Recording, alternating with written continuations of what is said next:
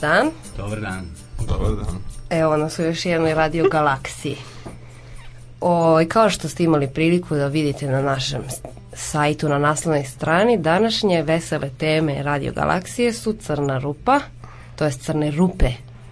I to ćemo da vidimo da li su crne rupe ili su crna rupa ili su bele rupe ili su šta li su.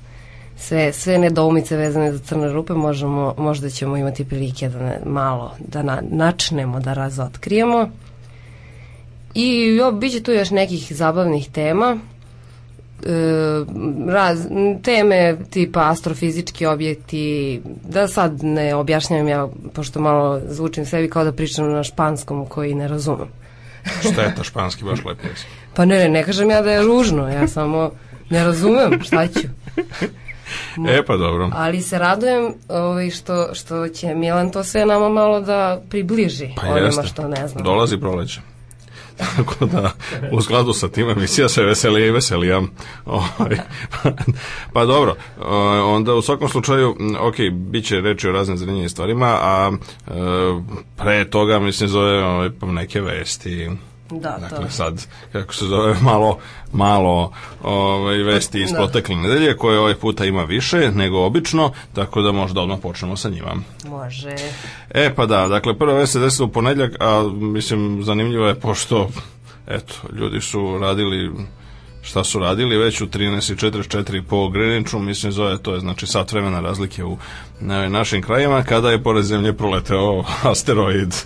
E, dakle, ovo što je interesantno, znači jedan mali, mali objekat, mali objekat koji je dobio zvaničnu oznaku 2009 DD45 n- ovaj, koji je bio nekoliko desetina metara recimo kažu ljudi 21 sa 47 metara otprilike krompirastog oblika generalno je proleteo na pored zemlje mislim u ponedeljak u 15 do 2 dobro 15 do 15 do 3, e, dakle po našem vremenu e, i svega na oko 70.000 km, što će reći da je recimo to ovaj, je manje od jedne petine udaljenosti do meseca. A pre toga je otkriven u subotu e, i to je jedan od projekata za otkrivanje objekata bliskih zemlji, takozvanih NEO, odnosno Near Earth Objects. A, Znači, NEO ima nekoliko svojih ispostava. Jedna u Siding Springs u Australiji je detektovala prvi, prva ovaj, ovaj mali asteroidčić, tako da ga nazovemo, a, koji je, koji je znači, dva dana kasnije mislim, je proleteo jako blizu nama i onda a, je znači sad se između ostalih stvari njegova zbog tako bliskog prolaska njegova putanja se promenila tako da sad nije sasvim izvesno mislim zove kada će sledeći put da se pojavi u blizini zemlje. Ali ono što je jako interesantno jeste da to je bio objekat koji je bio pa možda malo manji, ali istog reda veličine kao objekat koji je koji se sudario sa zemljom Prekoli... pre 101 godinu, mislim zove, znači 1908. u Sibiru, a, takozvana Tunguska eksplozija ili Tunguski događaj je bio izazvan objektom koji je bio 50 metara veliki, ovaj je bio sličan, možda malkice manji.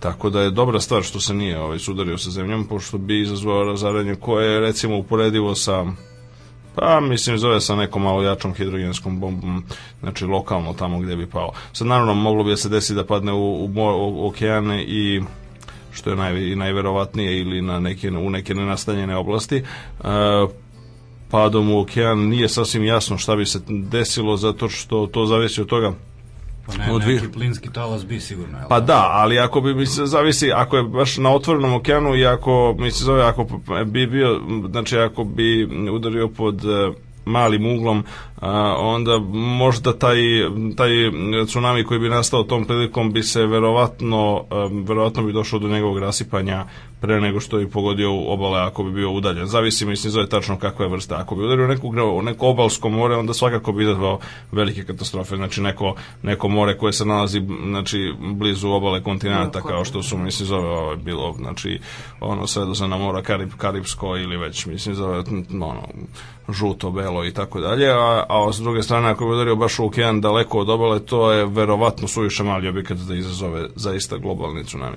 Tako da, e, tako da u tom smislu reči, ali interesantno je to da, znači, ovaj objekat je jedan od onih koji dosadašnji ovi, ovi potrage za objektima te vrste jednostavno su mimo ilazile, pošto mislim, cilj, osnovni cilj ovih neosrveja dosadašnjih jeste da se registruju, prvo je bilo svi objekti veći od jednog kilometra koji bi izazvali globalnu katastrofu, drugi, zatim je to smanjeno na 500 metara, danas već objekti recimo veći od 100 metara mislim da mogu da se i smatra se da je većina njih pronađena i, i unesena u kataloge.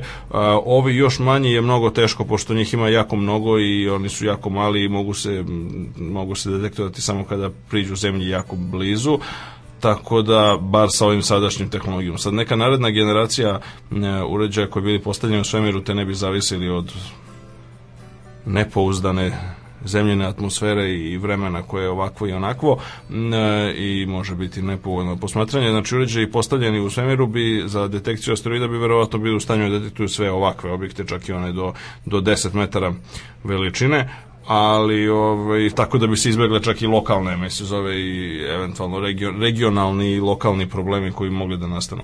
Kako stoje stvari, mislim, zove sa, da je recimo ovaj objekat slučajno, mislim, promenio za taj svoju putanju za mali delić ali apsolutno, mislim, zove sićušni, mislim, zove delić procenta, on bi udario u zemlju u ponedljak negde Pa sad, ne, negde, bi, negde bi došlo, mislim, zove do, do prilično velike katastrofe, mislim, zove, naravno, ako bi udario neki urbani deo, to bi, mislim, zove izvoj strahovita razaranja, ali, ali srećom, eto, mimo išlo nas je kao i većina koji nas mimo ilaze, a zapravo su neprimećeni, ovaj je, ovaj je bio jedan od prvih koji je bio primećen, mislim, zove pri tako bliskom pre čak tako bliskog prolaska.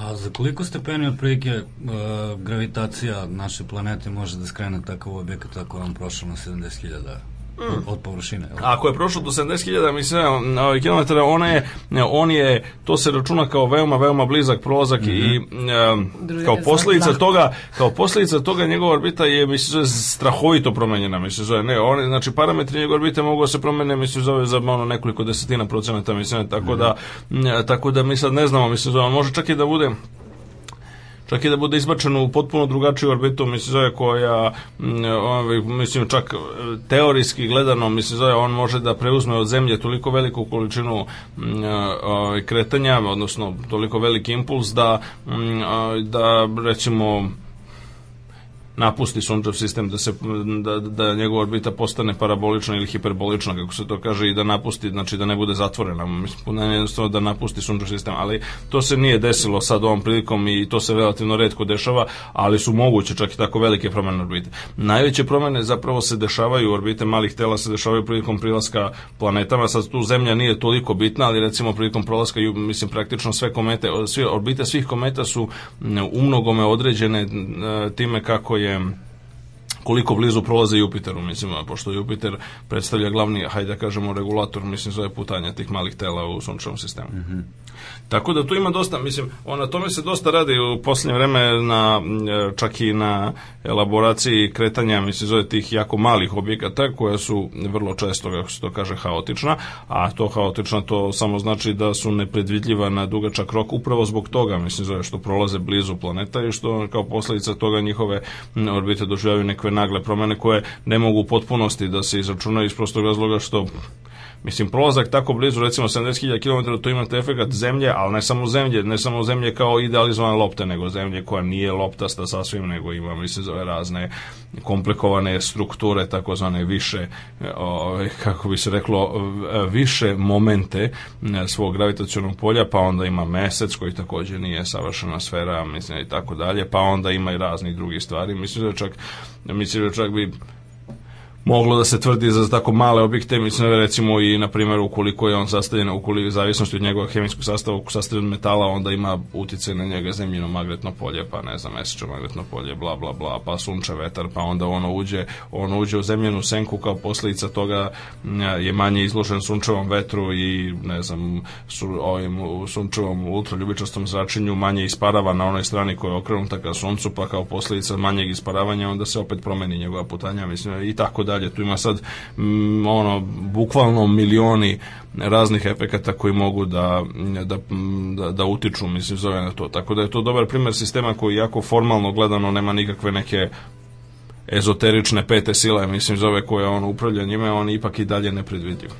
Tako da, tako da on pokazuje da čak i ono znači, u nebeskoj mehanici koja predstavljala savršen model klasične determinističke slike sveta kao sve se kreće kao bilijarske loptice svi mi znamo tačno nezavisnosti sve mogu da se reše reše tamo jednačine kretanja i tako dalje, a ipak ima mnogo sistema koji zapravo ne mogu da se predvide na duži rok. Ono što je sreća stiče okolnosti je što kod većih sistema koji su dovoljno kod većih objekata koji su recimo preko 500 metara e, veličine koji su mm, dovoljno e, i praktično 95 plus posto njih, mislim, zove znamo koji su blizu zemlji, a, dovoljan je taj prozor predvidljivosti je dovoljno širok, mislim da možemo zaključimo da nekog većeg sudara neće biti u narednih stotina godina to je gotovo izvesno, mislim, zove sa od objekata koje danas znamo. Sad, naravno, može se pojaviti neki od onih par posto nepoznatih, mislim, zove, ali radi se na tome da se i to smanji.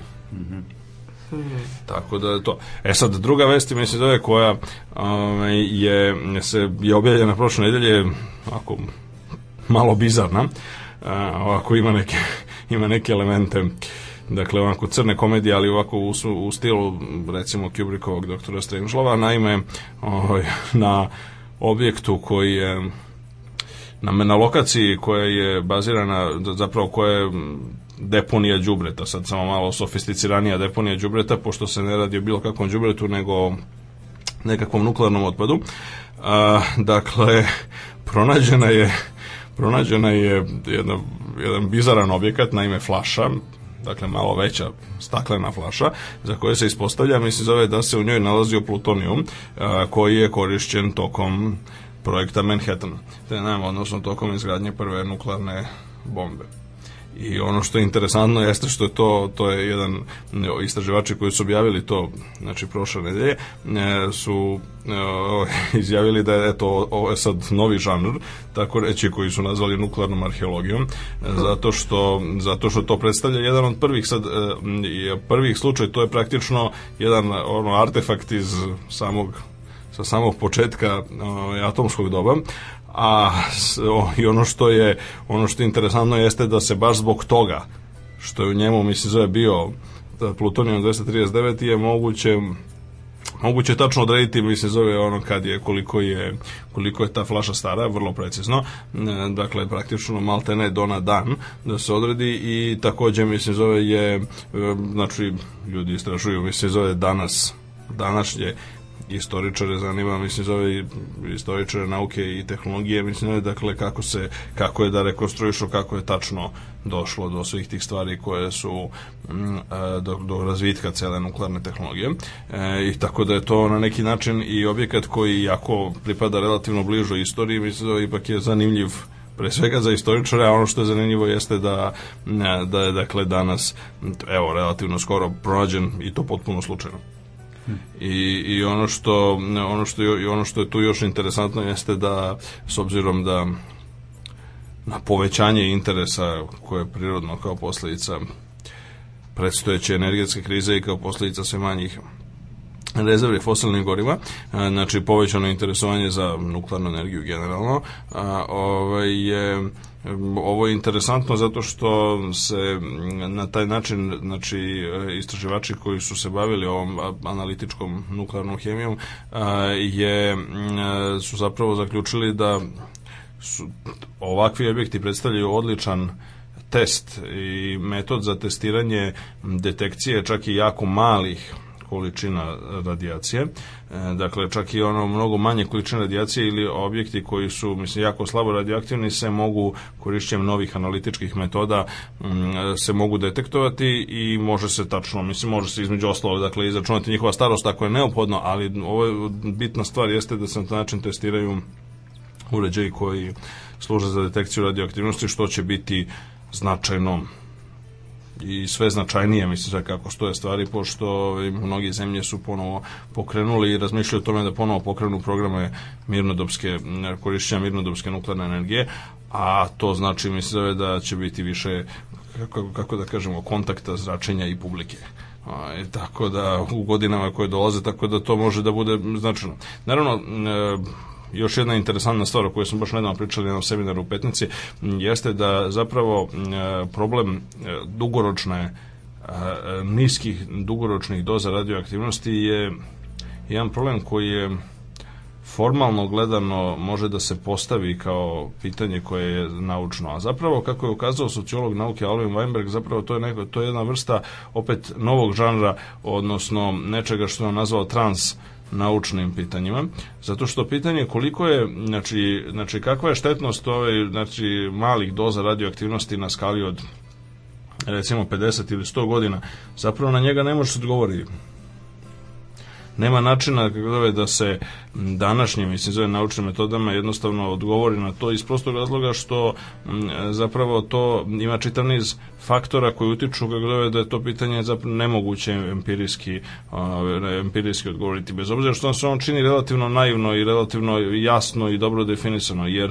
pre svega mislim zove znači nemoguće ustanoviti utjecaj na ljude iz prostog razloga što po da, niti su mogući Eksperimenti, eksperimenti da. koji su te, koji bi trajali 50 ili 100 godina, mislim zove isto iz raznih razloga. Mislim zove po najviše praktičnih ako ćemo da sad ako se nekom ne sviđa ni to onda mislim da zapravo imamo i etičke razloge zašto bi zašto bi tako zašto je tako nešto nemoguće. Ne možemo i ljude izolovati, mislim zove na primjer kao kontrolnu grupu i jedne, a druge recimo opet izolovati i izlagati ih malim dozama radioaktivnosti i tako dalje, koji bi bili merljivi. Znači uslovi su potpuno takvi da se jednostavno nema načina da se eksperimentom proveri mislim da je bilo kakva tvrdnja o tome, mislim. Druga stvar, izraz štetna i izraz štetni zapravo striktno govoreći nije naučni termin, jer mislim mi zapravo ne možemo da odvojimo nešto što je štetno za sve ljude, zato što za jednog čoveka jednostavno dovoljne su, znači ako se radi o malim fiziološkim efektima, da, jedna individua za jednu individu je štetno, za drugu nije ne, i u svakom slučaju to nas vodi ka velikim teškoćama. Tako da je to tako da je to zapravo jedno vrlo teško pitanje i na neki način neodgovorivo striktno naučno. Ono što je potrebno jeste da se pokrene jedna šira rasprava u kojoj bi se zapravo donela de facto, mislim, zove politička odluka o tome, mislim, zove šta je, šta jeste štetno, a šta nije pošto mislim zove na, to je jedno od primjera gde se tačno vidi mislim zove da i što treba da se vidi i za razliku od raznih pozitivista, materijalista i drugih ovaj, ljudi iz prethodnih epoha koji su živeli u tim nekim zabludama o tome da sad ne, to nauka neka ono, beskonačna, mislim, zove priča i, i, i da ovaj, nauka jeli, nam otkriva potpuno istinu, mislim, zove ne, mi treba da razumemo tačno gde su granice nauke i to je upravo, recimo, to je jedan od najprozaičnijih primjera su upravo takva transnaučna pitanja. Nama je potrebno naučno saznanje da bismo razumeli u čemu se sastoji problem, ali na njega ne možemo da odgovorimo korišćenjem današnjih naučnih metoda. Da, i, i, i verovatno su vrednostno neutralno. Tako mislim, je, takođe. Su... Da. A nastavak vesti, mislim, zove nakon uh, neke muzičke Ma, numere. Šta sad slušamo? E, čućemo uh, The Pickard Song, Dark Materia, i se uh mhm. -huh. zove, da, tako da, vrlo zanimljivo. To the finest crew in Starfleet. Engage. Captain Jean Picard the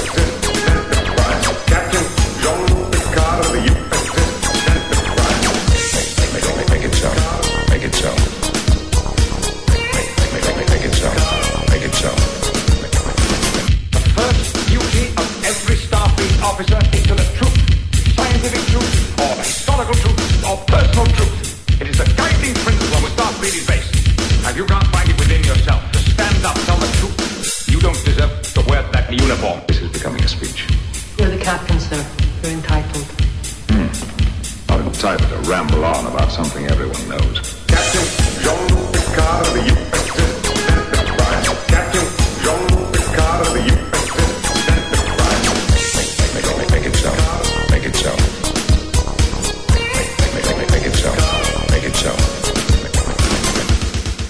just kept talking in one long, incredibly unbroken sentence, moving from topic to topic so that no one had a chance to interrupt. It was really quite hypnotic, hypnotic, hypnotic. incredibly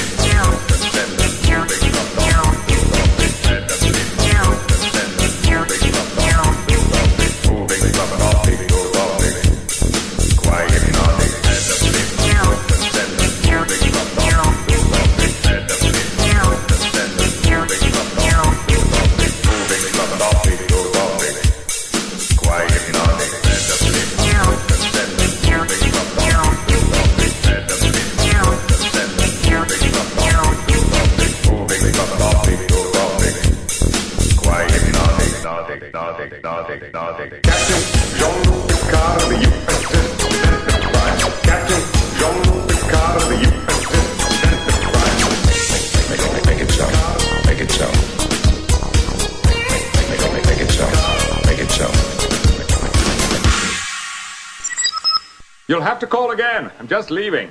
I'm uh, not dressed properly. My love is a fever, longing till for that which longer nurseth the disease.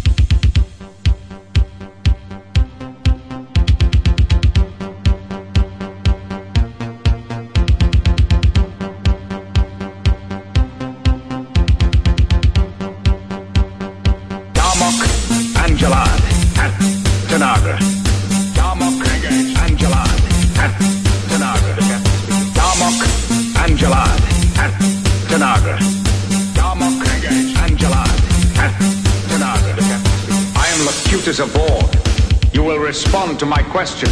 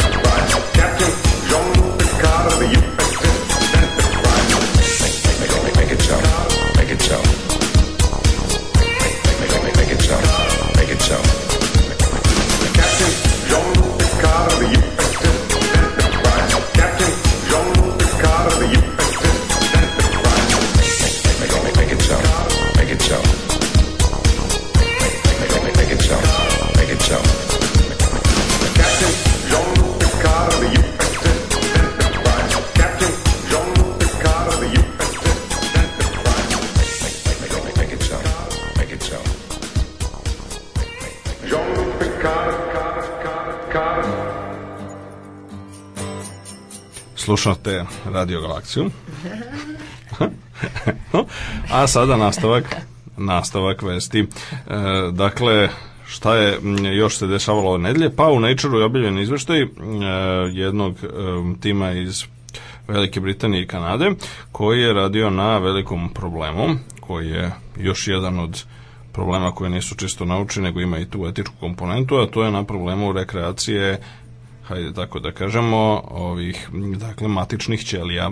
I sad, te jedan problem, klasičan problem e, zbog koga se smatra da je rad sa matičnim ćelijama relativno, hajde, hajde tako da kažemo, e, etički delikatan, jeste u tome što se matične ćelije, dakle, dobijaju iz ljudskih embriona. Ljudski embrion, mislim, mora da se tom prilikom uništi, tako da se onda kao posljedica toga, zavisnosti već od toga da li, kako definišete, da li definišete, mislim, zove ove čoveka na osnovu sad ovaj, ličnosti, ćelijske strukture ili već nečega, mislim, zove, onda neki smatraju to ravnim ubistvu.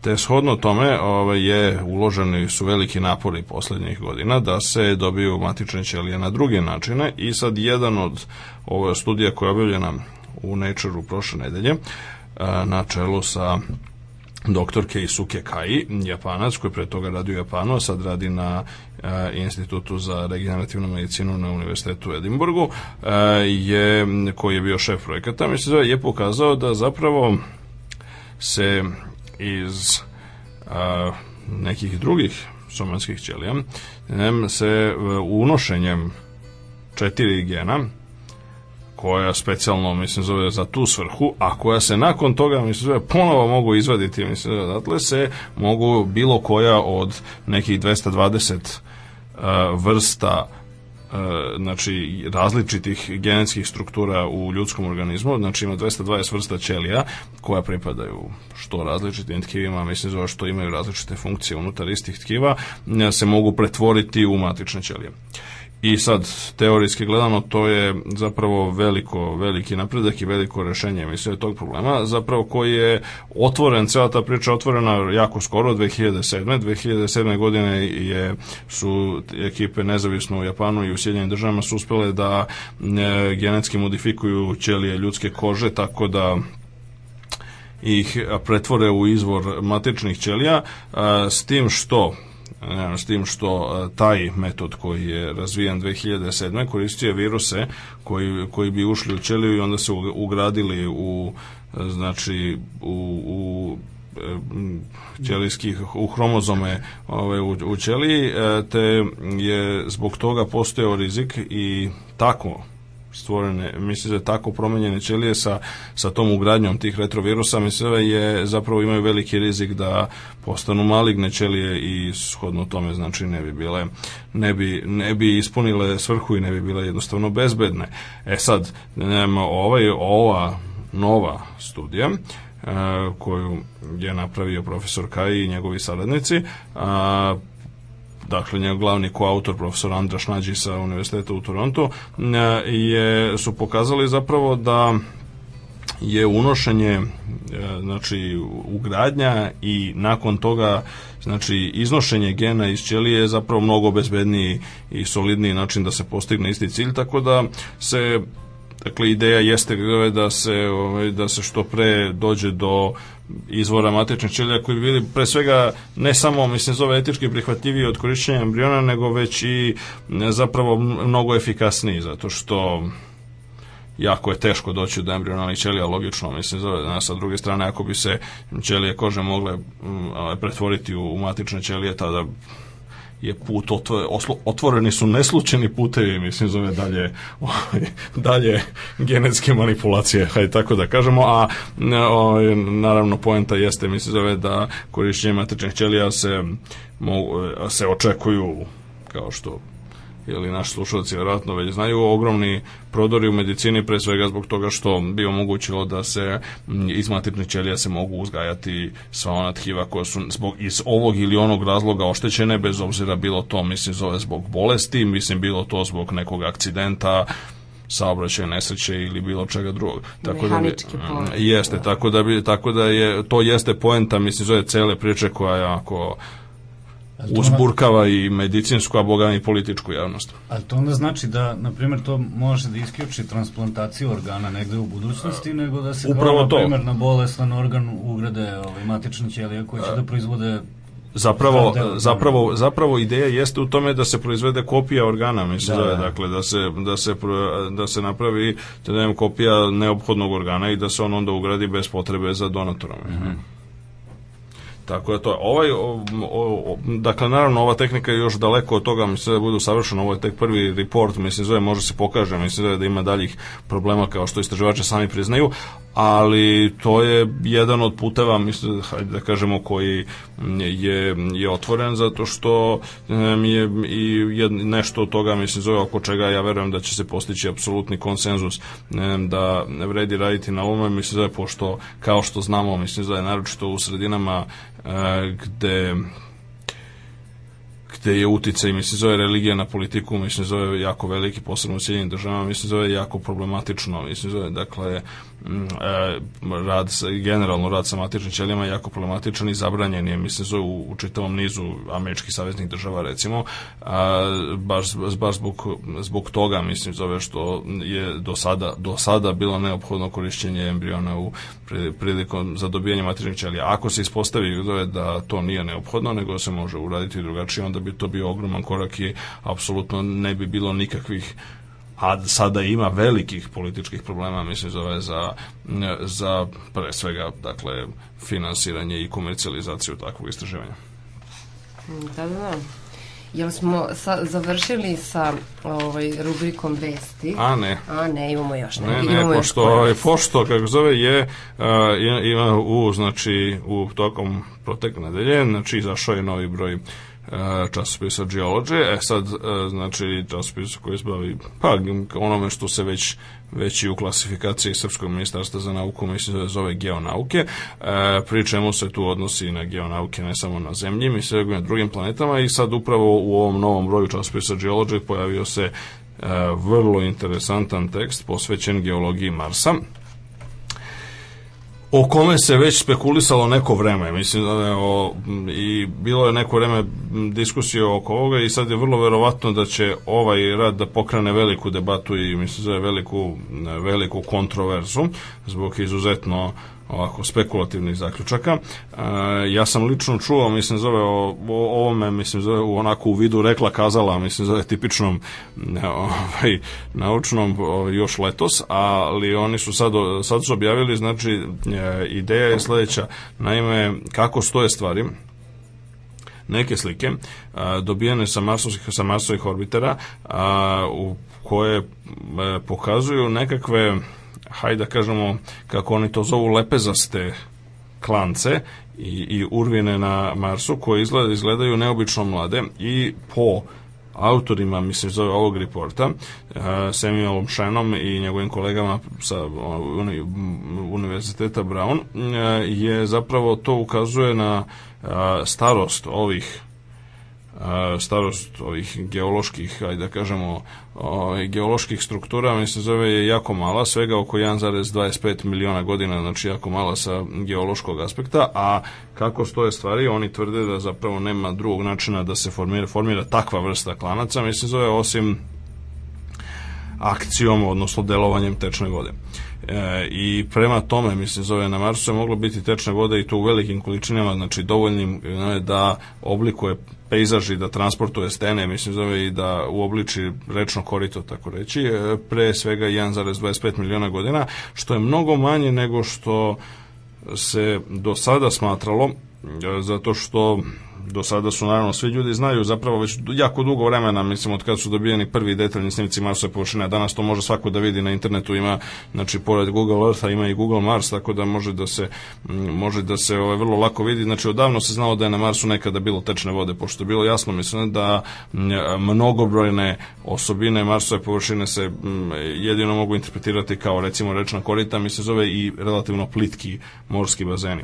A međutim to smatralo se da generalno generalno da je to doba kada je na Marsu bilo tečne vode se podudaralo sa periodom u kome je Marsova osa bila pod e, ekstremno velikim nagibom. Ona je danas vrlo slična, danas nagib zemljine ose u odnosu na ravan zemljine orbite čuvenih 23,5 stepena što definiše postojanje klimatskih pojaseva, zašto mislim se ne znam, tropski pojas prostire do 23,5 stepena na severu i na jugu i tako dalje, zašto je ono umereni, polarni i tako to. Dakle, to je definisano nagibom zemljine ose današnjim. Današnji nagib zemljine ose je gotovo identičan e, Marsovom. Marsovom, znači otprilike oni su Mars i mislim 24, nešto stepeni, mislim da je tako nešto veoma blizu, ali za razliku od zemlje gde se taj e, gde se zemljine ose uopšte nije menjao bitno tokom njene istorije. Mislim malo se malo promeni se ono za, za ono stepen 2, ali ne više od toga.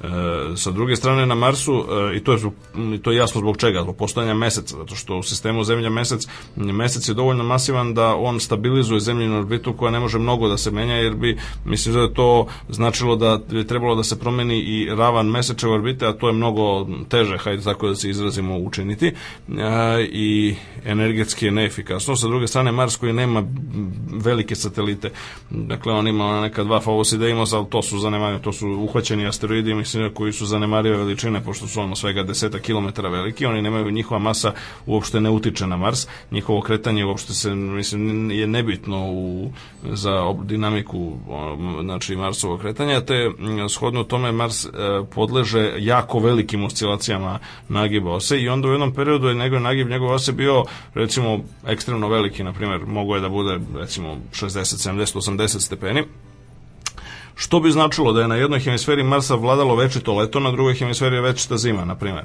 A, I to bi onda značilo da na onoj hemisferi na kojoj je večito leto je svakako, mislim da temperatura bila iznad Mislim, nije ni tada bila neka vrućina, ali bila je temperatura iznad nule m, u svakom slučaju, te se pretposmatralo da je onda to bio taj period m, u kome je na Marsu bilo tečne vode. E sad, taj period je bio jako dalekoj prošlosti, mislim, zove. Znači, to je, to je bilo pre više od 500 miliona godina, mislim, zove, neki kažu, mislim, zove i više od toga.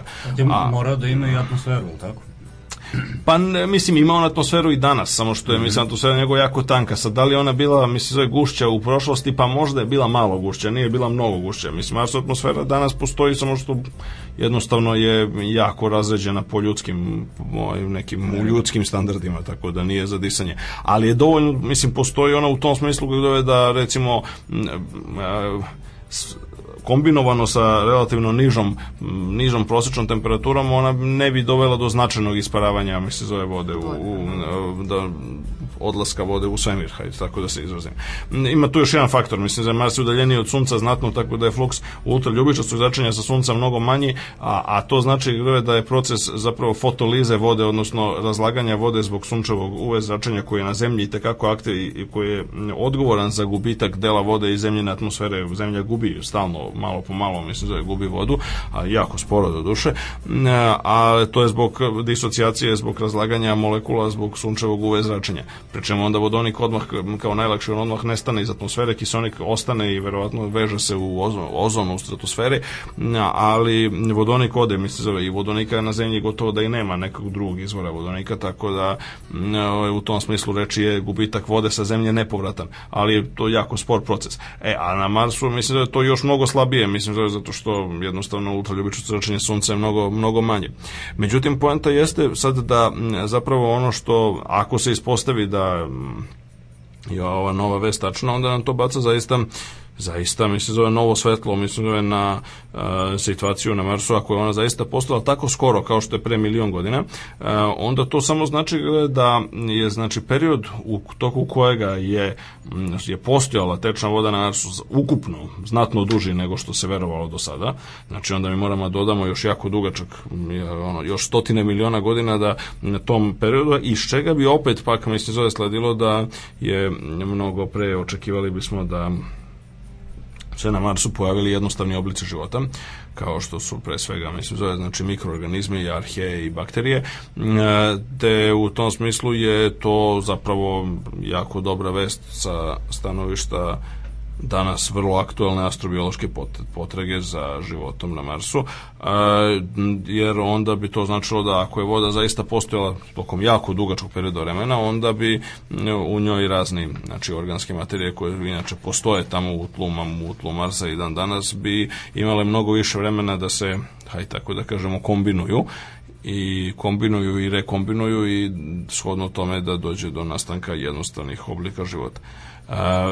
Da li oni da li oni postoje i danas odnosno da mnogo verovatnije da, da zapravo da, da ne postoje nego da, da zapravo se radi o a, fosilima koje, koji su nam a, preostali, mislim zove mikrofosilima koji su preostali iz tog, do, iz tog ranog perioda Marsove istorije, to ćemo na to pitanje odgovorit ćemo nažalost tek kad se na samom licu mesta bude bilo moguće podići biohemijske laboratorije dovoljne preciznosti, pošto se ispostavlja da zapravo čak i na zemlji potreban je jako veliki napor da bi se identifikovali oblici života i živi, a pogotovo fosilni u regionima u kojima je njihova gustina jako mala, znači u unutrašnjosti glečera na Grenlandu i Antarktiku, mislim, na, na drugim mestima gde je gustina a, znači živih stvorenja i njihovih ostataka jako mala, potreban je ogroman napor da bi se i potrebno su jako, jako veliki rad u velikim laboratorijama da bi se one identifikovale.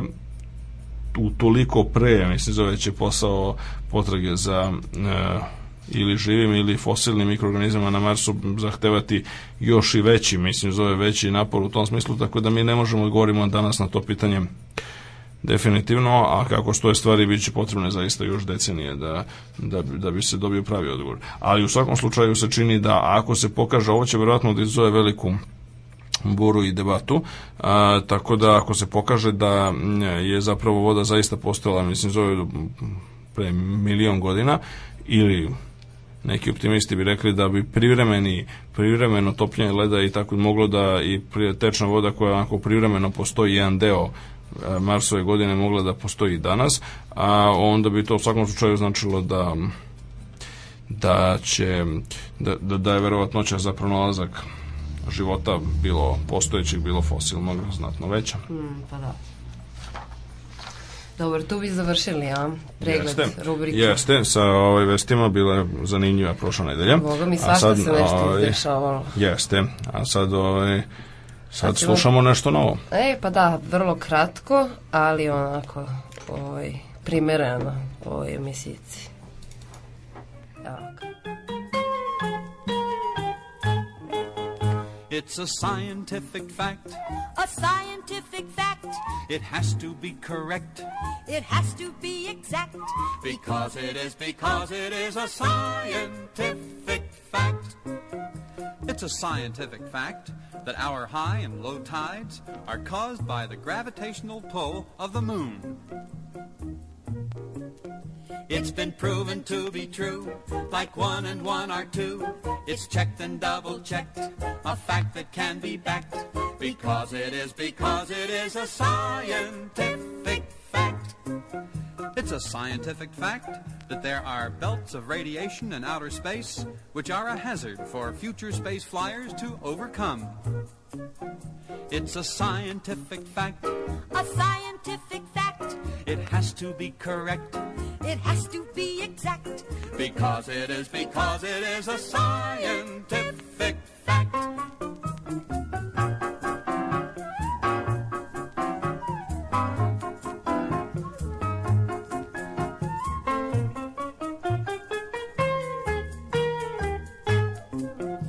Well, of course, even scientific facts are not perfectly exact, but they are as exact as it is humanly possible to make them at the time.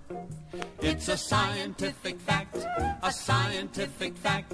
It has to be correct, it has to be exact, because it is, because it is a scientific fact.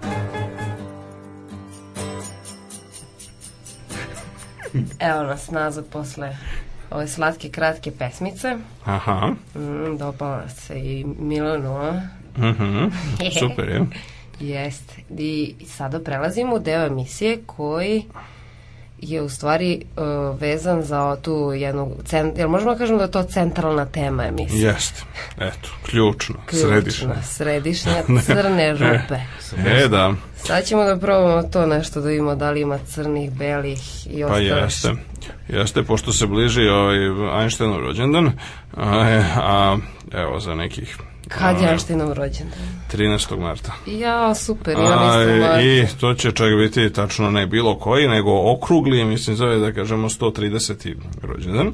Ja. O, tako da u tom kontekstu ovaj, može, vredi se osvrnuti na njegovo verovatno najznačajnije mislim delo, barem ovako u čisto intelektualnom smislu, možda ne najprimenljivija, to je teorija gravitacije. A teorija gravitacije između ostalih brojnih stvari, znači nešto na koja se inače naziva opštom teorijom relativnosti, m, e, između ovih ostalih stvari dala nam je jedan ozbiljan, ozbiljno predviđanje postojanja crnih rupa. E sad, kad kažem ozbiljno, to znači da je pre toga bilo i neozbiljno, a to neozbiljno je bilo negde recimo krajem 18. veka, negde 1790 i četvrte, pete, šeste, mislim zove dok su se ovaj, dešavale revolucionarne i dramatične promene u Francuskoj. Tamo jedan čovjek po imenu Pierre Simon de Laplace, kasnije o, čovjek postao i markiz i tako, inače bio ovako vrlo jedna snalažljiva ličnost, hajde tako da se izrazimo, pošto je a, jeli, kad je trebalo bio vatren revolucionar, a onda kad nije trebalo, ovaj, onda je bio vatreni monarhista i tako dalje, tako da je dobio razne titule, čak i jedno vreme za jedno vreme za vreme Napoleona je bio i ni manje ni više nego ministar policije, a do duše mislim da je to je trajalo jako kratko, mislim da je ministrovo je svega oko mesec dana, pošto ga je nakon toga Napoleon ovaj, brže bolje smenio, ali ostali su u jako dobrim odnosima i svoju nebesku mehaniku koja predstavlja zapravo temelj, mislim da je cele nebeske mehanike, to je ogromna knjiga u 12 tomova gde je on zapravo sumirao i, i, i razvio u potpunosti, primenio Newtonovu fiziku na kretanje nebeskih tela i to je jedno od najznačajnijih i najverovatno ključnih knjiga u našem razumevanju uopšte sunčevog sistema kretanja tela u sunčevom sistemu i tako dalje, uključujući ove male planete, asteroide i slično o kojima smo govorili, e, znači ta nebeska mehanika, odnosno elementi nebeske mehanike, kako je to Laplace nazove, posvećena Napoleonu Bonaparte i njegovom prijatelju, poslodavcu i slično.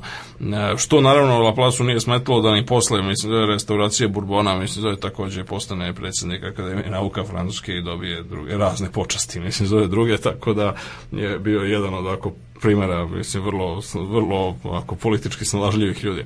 E, ali šta je sad, zašto je za on interesantan za našu priču? Pa između ostalog što on u prvom izdanju e, u prvom izdanju jedne svoje knjige, znači predvide, odnosno sugerisao, a niko ne zna zapravo odakle mu je pala na pamet tako e, bizarna i čudna misao.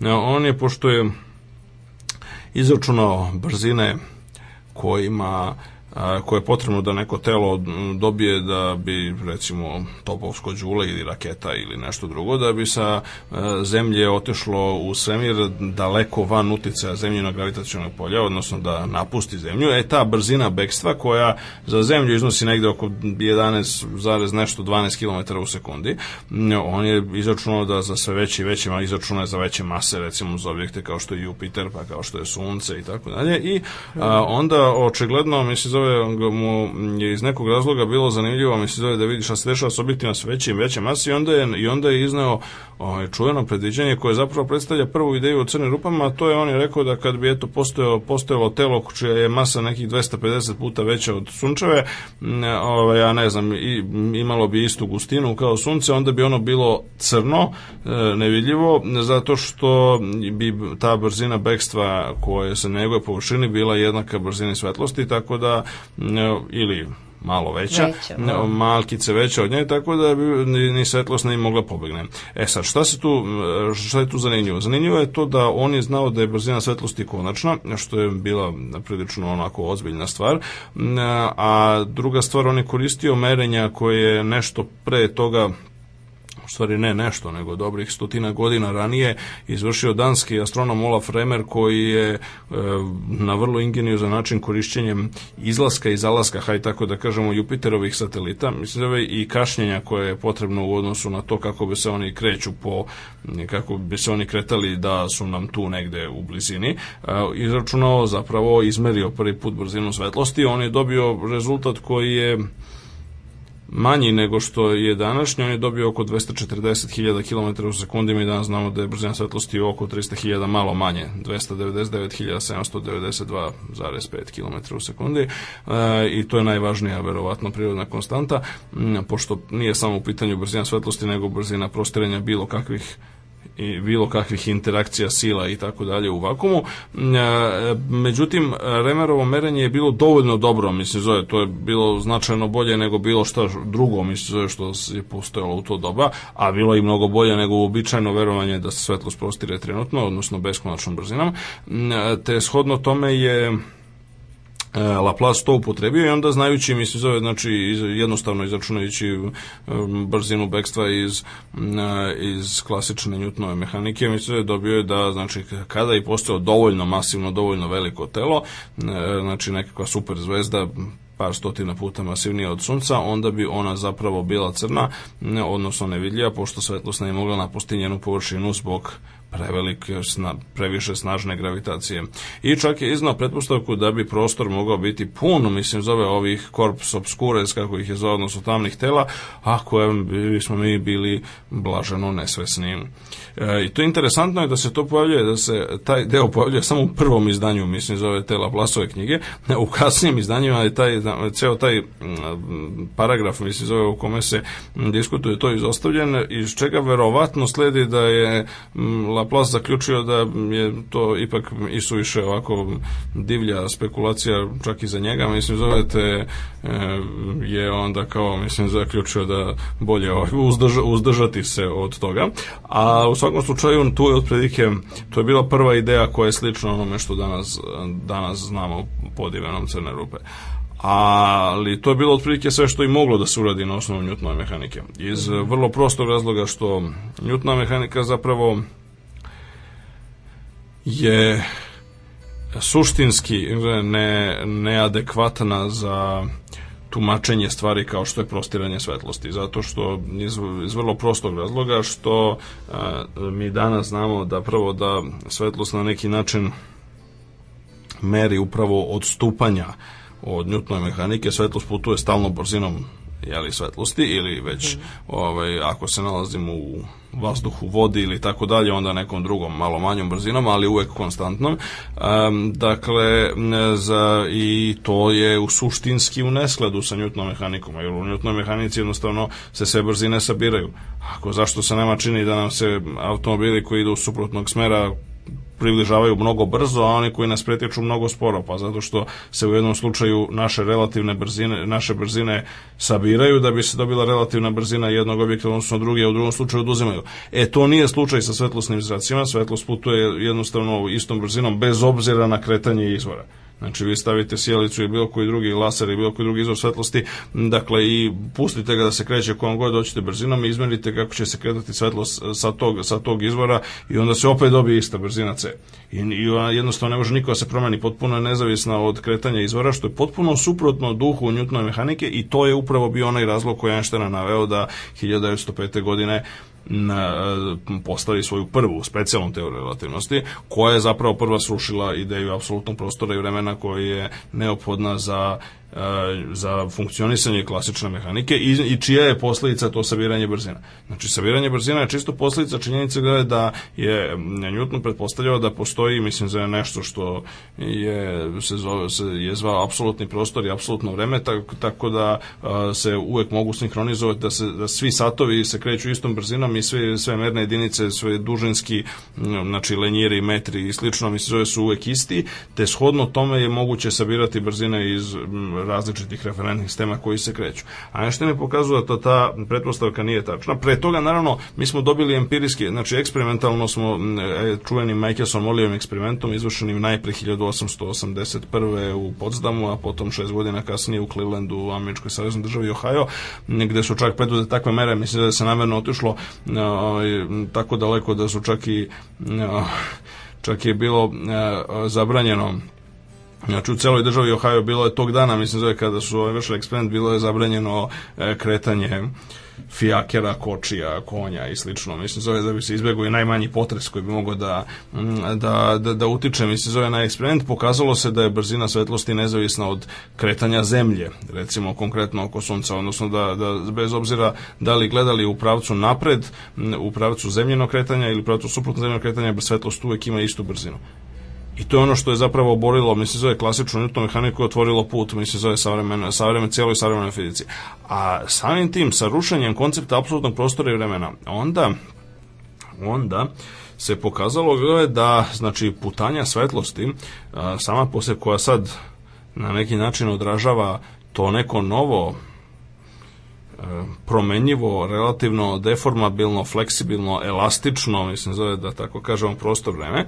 E, I sad da bismo dobili da, da bi se dobila sprava slika o tome bilo je potrebno, mislim zove samo Einstein 11 godina koje vrednog rada, kako sam kažem, mislim zove on hiljadu puta ovaj, tu kretao ponovo dolazio u Ćorsokak, bacao sve, napuštao celu stvar, pa se ponovo vraćao tome da bi dobio a, um, od svoje specijalne teorije iz 905. dobio opštu teoriju koju je u nekakvom konačnom obliku objavio 1916. A, dakle, koja daje a, tačan recept, haj tako da kažemo, kako je prostor vreme zakrivljeno u prisustvu bilo kojih objekata koji imaju masu. I upravo to zakrivljenje prostor vremena jeste ono što se manifestuje kao gravitacijona sila, koju mi osjećamo ovako sedeći na površini zemlje, a isto tako bi osjećali kada bismo se nalazili u svemirskom brodu, koji bi ubrzavao u pravcu uslovno govoreći koji bismo nazvali pravac naviše, e, koji bi ubrzavao istim ubrzanjem od 9,81 metara po sekundi na kvadrat. To je ono što piše na onoj piramidici u Knez Mihajlovoj, mislim zove ko dođe tamo, mislim zove ispred Akademije nauka, ima između ostalog tamo piše koliko je ubrzanje zemljine teže 9,806 i tako da ima neke, neke, neki tamo dosta cifara i onda piše nešto metar kroz sekunda na kvadrat. E, to metar kroz sekunda na kvadrat, to je ubrzanje koje je potpuno isto onom ubrzanju koje bi nam bilo potrebno recimo u svemirskom brodu ili u liftu ili u bilo čemu drugom na kraju krajeva da bismo u potpunosti simulirali zemljinu težu. Alternativno mi koristeći isto ubrzanje možemo da poništimo zemljinu težu, to je kada bismo imali nešto što bi padalo što bi se kretalo ubrzano, ali u smeru ka zemlji. I tu dolazimo do čuvenog Einsteinovog misalnog eksperimenta sa liftom koji pada. Zapravo njegov, njegova, to je možda osnovica cele opšte relativnosti razumeti, jeste razumeti taj jednostavni misalni eksperiment. Uzmete lift i pusti, koji se otkačio i puste ga da pada. E, šta će biti u njemu? Pa u njemu će vladati bestežinsko stanje. Aha. Odnosno, mislim, zove objekti koji će, objek, mislim, zove, znači ja uzmem nešto, mislim, zove, ostavim recimo olovku, mislim, zove, ispustim u vazduhu, ona će ostati u vazduhu. E sad, ostaće, šta to tačno znači bestežinsko stanje? Pa to znači ništa ne pada, ali gde, ka čemu? Pa odgovor je ka podu lifta zato što zajedno i olovka i ja i lift zajedno padamo ka centru zemlje. I to je, uzre budi rečeno, to je, mm, uh, dakle, ta činjenica da će se u liftu, mislim, zove manifestovati besinsko stanje. I ako se lift nalazi dalje na zemlji, on je pod uticajem zemljenog gravitacionog polja. Kako sad to može? On pod uticajem zemljenog gravitacionog polja, a istovremeno, mislim, zove u njemu vlada besinsko stanje. I to je onaj suštinski paradoks koji je, koji je zapravo nespojiv sa klasičnom, sa, sa Newtonovom klasičnom fizikom i ono, to je ono što...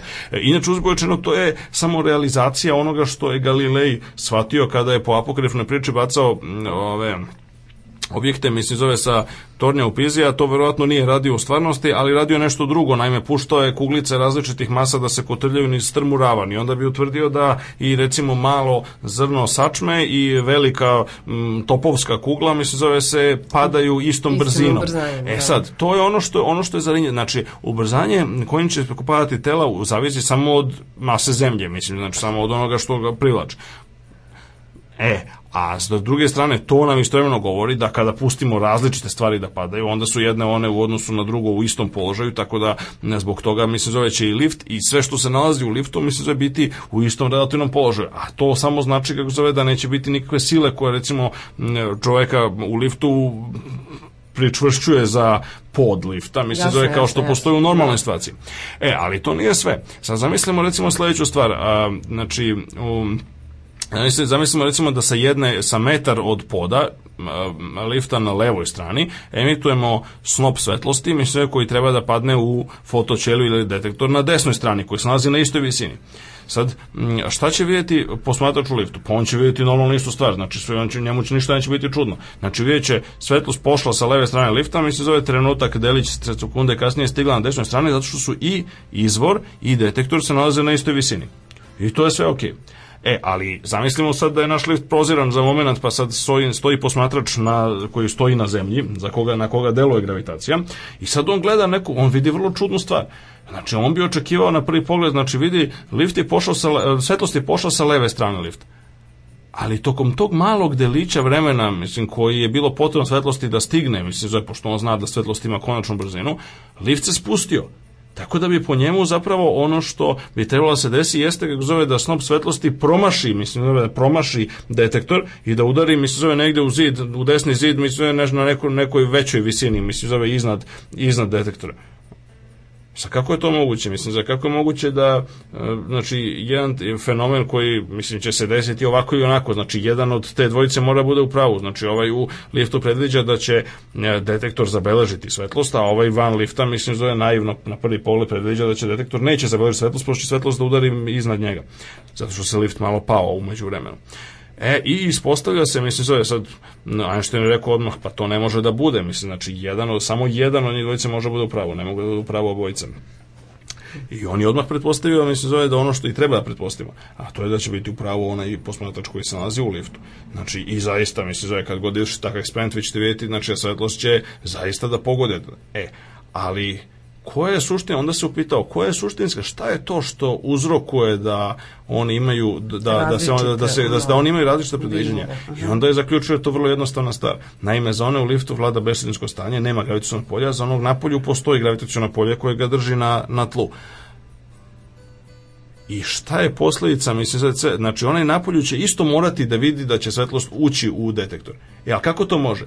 To može samo ako svetlost više ne prostire po pravoj liniji nego ako je ona za, ako se njena putanja kako se to lepo kaže zakrivila znači njena putanja se je skrenula skrenula zašto kad bi ga pitali on bi imao dobar odgovor pa zbog toga zbog gravitacionog polja zemlje Znači, zemlja bi zakrivila putanju svetlosti, tako da bi ona ipak ušla, u detektor. I onda je iz toga izveo svoje prvo i najčuvenije predviđenje da će, mm, znači, gravitaciono polje svakog objekta zakriviti putanju svetlosti koja više neće biti prava linija.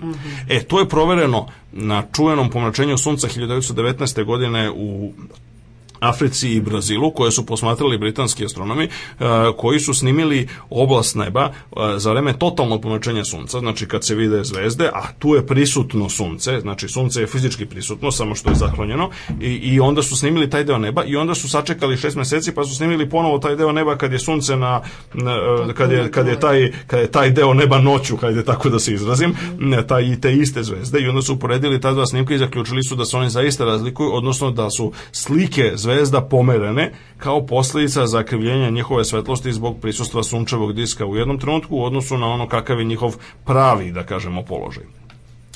I to je dovelo ta upravo to rezultati posmatranja tog pomračenja sunca su u atmosferi nakon je li još pogotovo nakon e, Prvog svjetskog rata kada se radilo je li što bi se reklo ili bar pokušavali neki pametni ljudi da rade na pomirenju do, za zaraćenih strana pa se onda u britanskim novinama zaista objavili tekstovi da je to kao ovaj britanski astronomi su time potvrdili predviđanja teorije velikog nemačkog naučnika pošto je ovaj je li Einstein smatran za nemačkog naučnika u to doba i bio je član berlinske pruske kraljevske akademije nauka i tako dalje.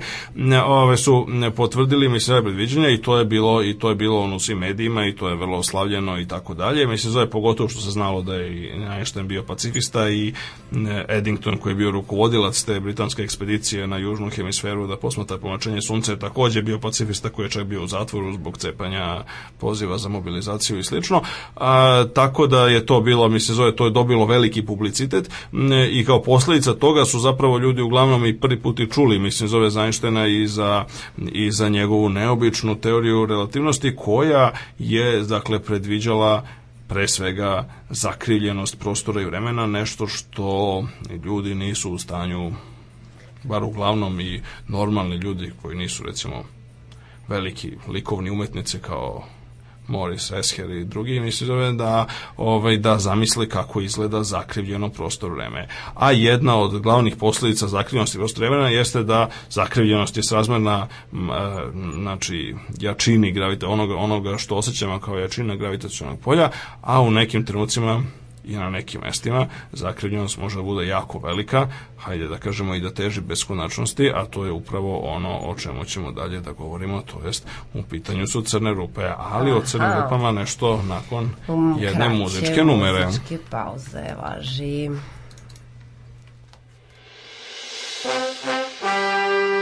The Adventures of Rogan on the Electric Circus Sideshow.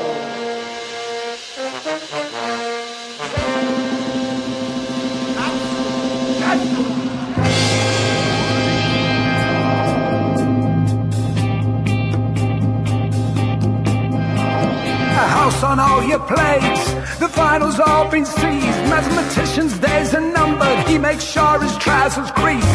He shakes them nuts and bolts. He turns them people round. Electric sideshow circus, he says it's coming to your town. Thoughts about accents dancing out of Camden Town. Got my mind made up, now got my collar turned down. Nigerian, Chinese, smiling as she walks. Is moving side to side, but London when she talks. I cry like a light, screaming ravens from their tower. Midnight children taking them direct hits in the shower. And the rain won't come, and the dogs won't bark.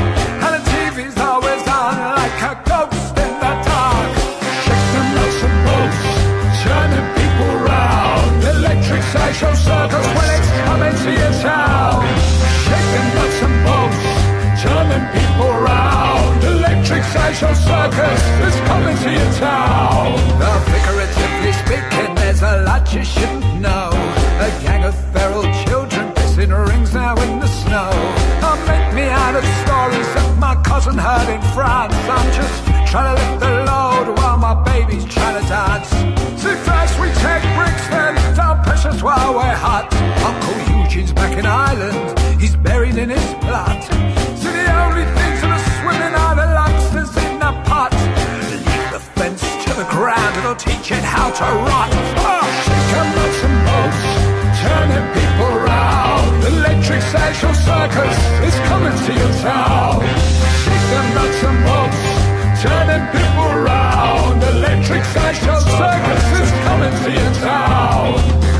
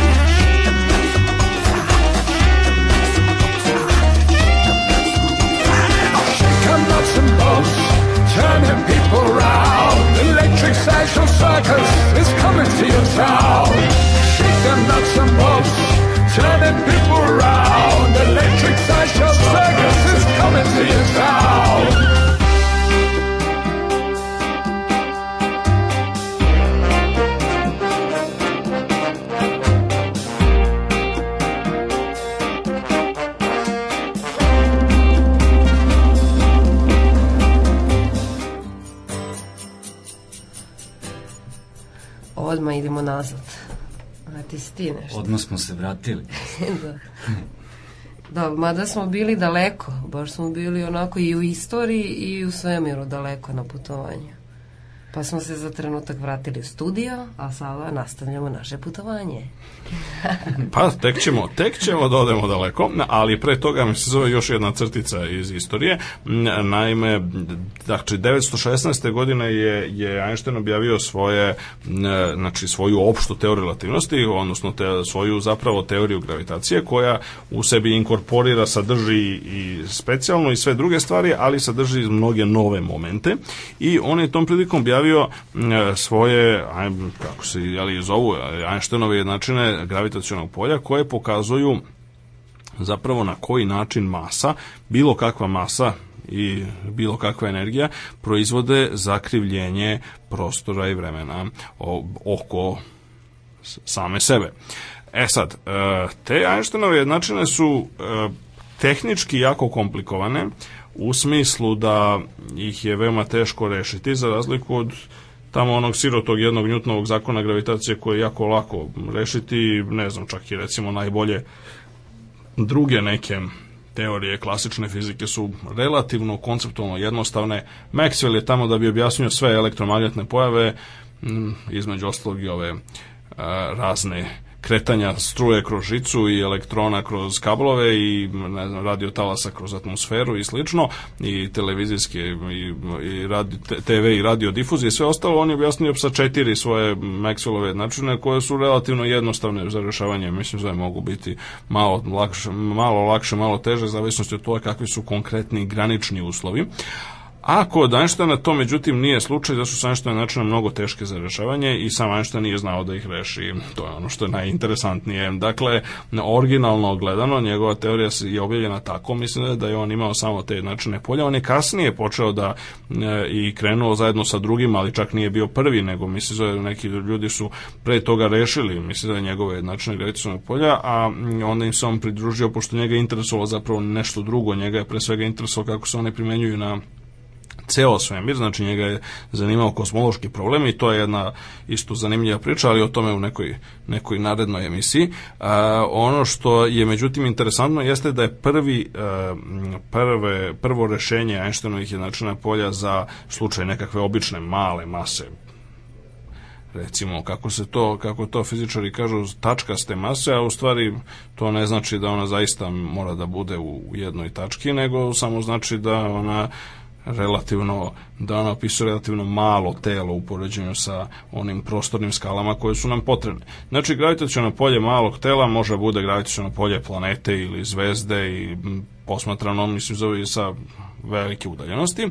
Kako ono izgleda, to je prvi pronašao jedan a, mladi nemački fizičar Karl Schwarzschild koji je nažalost uskoro nakon toga što je pronašao to prvo rešenje Einsteinovih jednačina koje se po njemu zove Schwarzschildovo rešenje i upisuje se crna rupa zapravo koja je najjednostavnija crna rupa se često naziva Schwarzschildovom crnom rupom mislim zove iz razloga koji će biti jasni. On je nažalost uskoro nakon toga poginuo na prvom, u prvom svetskom ratu na istočnom frontu. A, njegov sin Martin Schwarzschild je, je kasnije postao, mislim, za emigrirao u Sjedinje države i postao prilično poznat astrofizičar, radio dosta na strukturi zvezda, sunca i slično. Um, ali Karl Schwarzschild je prvi, znači, rešio Einsteinove načine polje i to se desilo praktično odmah 1916. i 1917. mislim zove, dakle, odmah po objavljivanju, mislim, zove opšte teorije relativnosti. A, I ono što je interesantno jeste da, znači, to je najjednostavniji mogući slučaj. Imate samo masu, ona se nalazi u dovoljno malom deliću prostora da možemo da ga nazovemo tačkom i sad se postavlja pitanje kako izgleda to gravitacijono polje. Na velikim udaljenostima od te mase ono izgleda potpuno isto kao i u Newtonovoj fizici, naime opada s razmerno kvadratu, obrnuto s razmerno kvadratu rastojanja i to je ono, mislim, zove što naravno i mora da bude, zato što nasuprot opet raznim lažnim pozitivističkim e, pogledima na svet nisu, nije Einsteinova teorija ono uništila Newtonovu i ukinula je sva vremena, nego naprotiv ona je samo proširila, a Newtonova teorija se može posmatrati samo kao poseban, specijalan slučaj, mislim, za nove Einsteinove. I ono što mm, e, se ono što je Schwarzschild uradio jeste zapravo da je pokazao da se na velikim udaljenostima gravitaciono polje ponaša isto i u Einsteinovoj i u Newtonovoj teoriji, što je naravno ono što je svako i očekivao, mislim, za ukoliko će da treba. E, ali ono što je bilo uznemirujuće jeste da se na malim udaljenostima a sad, malim udaljenostima od, i od male mase. A sad ako, ako uzmemo veliku masu, mislim zove pa još onda, onda na neki način ta, ono, ono što je za veliku masu e, ta neka mala udaljenost na kojoj počinju da se pojavljuju neki drugi fenomeni, to, znači ako uzmemo veću i veću masu, onda ćemo da dobijamo sve veću i veću tu nekakvu granicu na kojoj se počinju pojavljivati čudne stvari, a, a ono što je čudna stvar i što je zapravo posledica, direktna posledica e, ideje o zakrivljevanju prostor vremena kao dejstvu mase, jeste da e, kako e, se mi približamo i približavamo se više toj našoj tačkastoj masi, onda u jednom trenutku, mislim, zakrivljenost postaje sve veća i veća. I u jednom trenutku zakrivljenost ovaj, postaje tako velika da a, se dešava isto ono što je na svoj način Laplace naslutio, mislim zove se to i 50 godina ranije, a to je da zakrivljenost toliko velika da putanja svetlosti koja je pre toga, mislim, zove samo je iskrivljena, ali ona i dalje neka, mislim, zove nekakva otvorena putanja. Ona u jednom momentu postaje zatvorena. Odnosno, u jednom momentu se poka, po, dolazi do slučaja da svetlo, sama e, česte svetlosti, fotoni, inače uzbočeno to je isto, taj termin je Einstein takođe izmislio, znači on je prvi govorio o fotonima, e, znači e, da fotoni jednostavno, oni su prisiljeni da orbitiraju, da uđu u, orbi, da uđu u zatvorenu putanju oko te mase. Znači oni ne mogu da napuste, mislim, zove taj ograničeni deo prostora, nego moraju da... Ako se pridržamo još više, onda oni zapravo ne mogu ni da to rade, oni, oni ne mogu ni da uđu uz neku zatvorenu putanju mislim oko tog objekta, nego moraju da nego kako god se desilo, šta god se desilo, kakve god imali originalne putanje, oni moraju da završe u samom centru, odnosno u toj samoj tačkastoj masi koja proizvodi kako se to je li kasnije nazvalo singularitet. a singularitet to je mesto u kome je zakrivljenost prostor vremena beskonačna, odnosno zapravo ništa ne može da bude striktno govoreći beskonačno, nego ona postaje beskonačna kako se mi približavamo singularitetu, a singularitet je ha, hajde, mogli bismo ga nazvati granicom prostora i vremena. Singularitet je nešto gde prestaju prostor i vreme. Sad, to je prilično teško zamisliti da prostor i vreme prestaju, ali gle čuda, to je samo jedna od, jedna od neobičnih, neobičnih posledica Einsteinove teorije gravitacije, a to je da postoje takva mesta koja gde prestaju prostor i vreme. A, ima i drugih posljedica. Kada se mi približavamo što je veća zakrivljenost prostora vremena, to su recimo vreme teče sporije. Tako da satovi koji se nalazi, to se odnosi ne samo na e, ekstremne slučajeve, kao što je ta slučaj tačkaste mase. Zašto je slučaj tačkaste mase, odnosno Schwarzschildove crne rupe, jeli, pošto kao što rekao smo, čim postoji nekakva, nekakvi deo prostora iz koga svetlost ne može da pobegne, to je nešto što se naziva crnom rupom, s tim što taj naziv je do duše došao mnogo kasnije.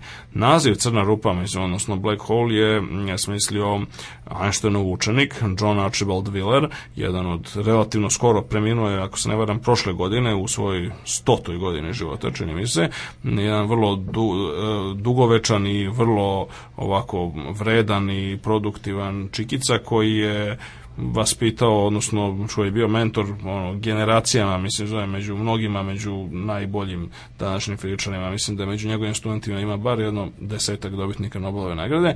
Dakle, John Wheeler je negde, koji je bio poznat inače po smišljanju raznih zabavnih izraza, termina, aforizama, grafita i slično, um, on, je, on je negde krajem 60. godina kada se pojavila jedna renesansa interesovanja za Einsteinovu teoriju gravitacije, pošto je tada astrofizika prvi put ušla u igru i počela da otkriva neke objekte koji se ne mogu objasniti na bazi samo klasične Newtonove fizike. A, on je, znači, mnogo kasnije, nekih ono 50 godina kasnije skovao taj termin crna rupa.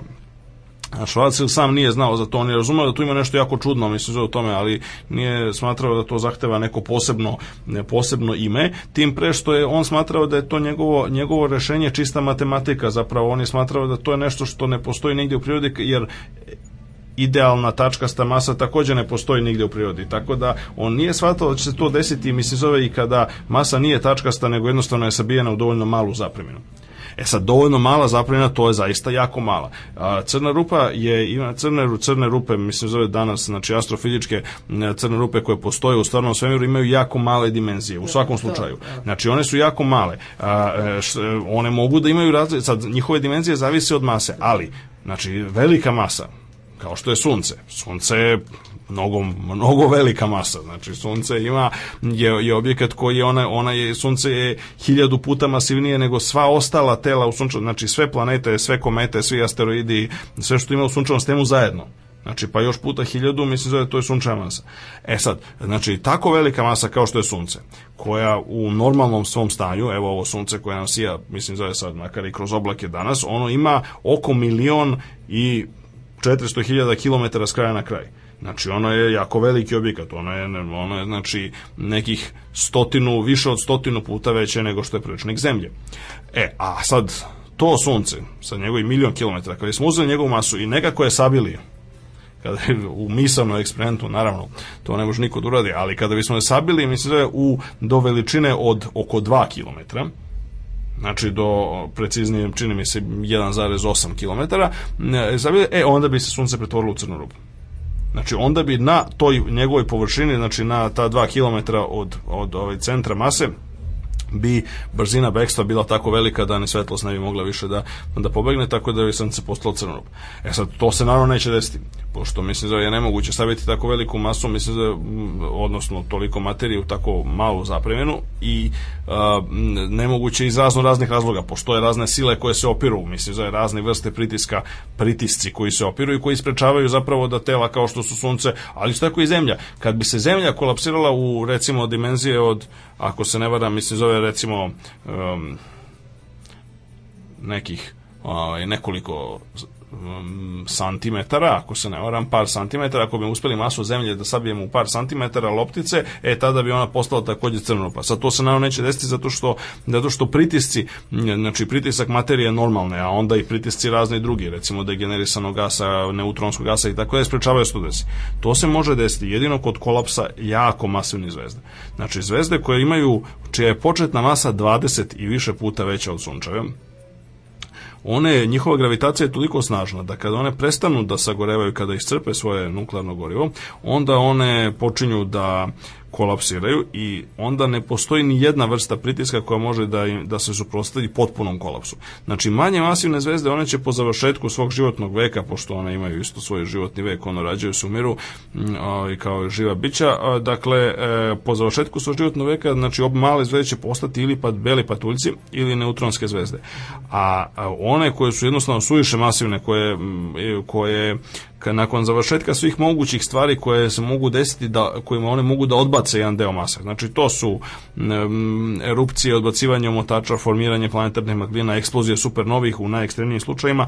Znači one mogu da odbace veliki deo svoje mase, ali ako je početna, mislim zove, ako ako one krenu u startu sa više od 20 sunčevih masa, a ima bogami zvezda koje su i po 100 puta masivnije od sunca, jako redkih, veoma redkih do duše, ali ih ima te u tom smislu, znači ako je početna masa dovoljno velika, onda ne postoji ništa što može sprečiti taj potpuni kolaps, odnosno e, da, da onaj ostatak e, nakon završetak zvezdane evolucije postane crna rupa a, i one su svejedno i tada jako male, pošto i crna rupa koja e, veličina crne rupe zavisi od je direktno, znači li, linearno propos, razmerna proporcionalna masi, znači crna rupa dva puta veća masa ima dva puta veću veličinu, te ako crna rupa od mase sunca ima veličinu 2 km, to samo znači da crna rupa koja ima 10 masa sunca ima veličinu 20 km, što je svejedno ekstremno mali objekat po svim astronomskim kriterijima, znači 20 km to je ko neki asteroid, mislim zove ili tako nešto, mislim da to je ekstremno malo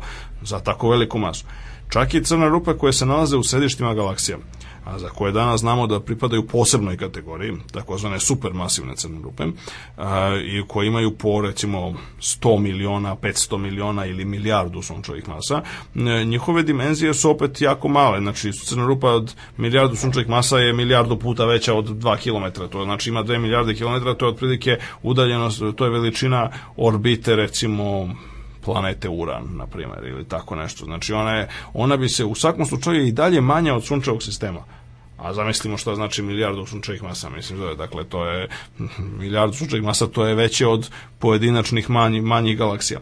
Tako da, u tom kontekstu, mislim da je, su to jako mali objekti ali se mogu ali su ekstremno značajni iz nekoliko razloga. Ekstremno su značajni pre svega zbog svoje izdržljivosti, hajde tako da se izrazim. Naime, dok svi drugi objekti imaju na ovaj ili onaj na ovaj ili onaj način mogu da propadnu, nestanu, mislim zove, budu uništeni i tako dalje, to se sa crnim rupama jednostavno ne dešava ili ako se dešava, dešava se na tako dugačkim vremenskim skalama da to potpuno potpuno bez ikakve koncept, bez ikakvog kontakta sa bilo čime na što smo navikli, mislim zove čak i u astronomskom kontekstu. Znači, sve crne rupe koje su ikada nastale tokom ovih 14 milijardi godina do sadašnje istorije svemira su i dalje sa nama. Pa dobro, I neprestano rastu. Konstante, a one rastu. Jeste, e, pa one to, neprestano to, to. rastu, mislim zove, rastu malo, makar malo po malo. Ono najmanje što, što rastu, mislim rastu tako što one apsorbuju zračenje fotone iz kosmičke mikrotalasne pozadine. Znači, svemir je ispunjen, nigde nema baš potpuno praznog prostora u smislu kako zove da nema nikakve energije u njemu, nego svuda ima, ako ništa drugo, mislim zove, postoji i e, energija kosmološkog pozadinskog zračenja, koje, koje to je čujeno otkriće, znači kosmološke mikrotalasne pozadine koje su 65. učinili Penzias i Wilson, koja je vrlo slab i slabašan, ekstremno slab eho velikog praska, koji nam je ostavio negde u principu pa može to i tačno da se izračuna, oko 400 fotona po kubnom centimetru. Znači svaki kubni centimetar, znači ono zapremljeno otprilike recimo naprstka ili kockice za igranje, e, je ima oko 400 fotona koji potiču gle čuda iz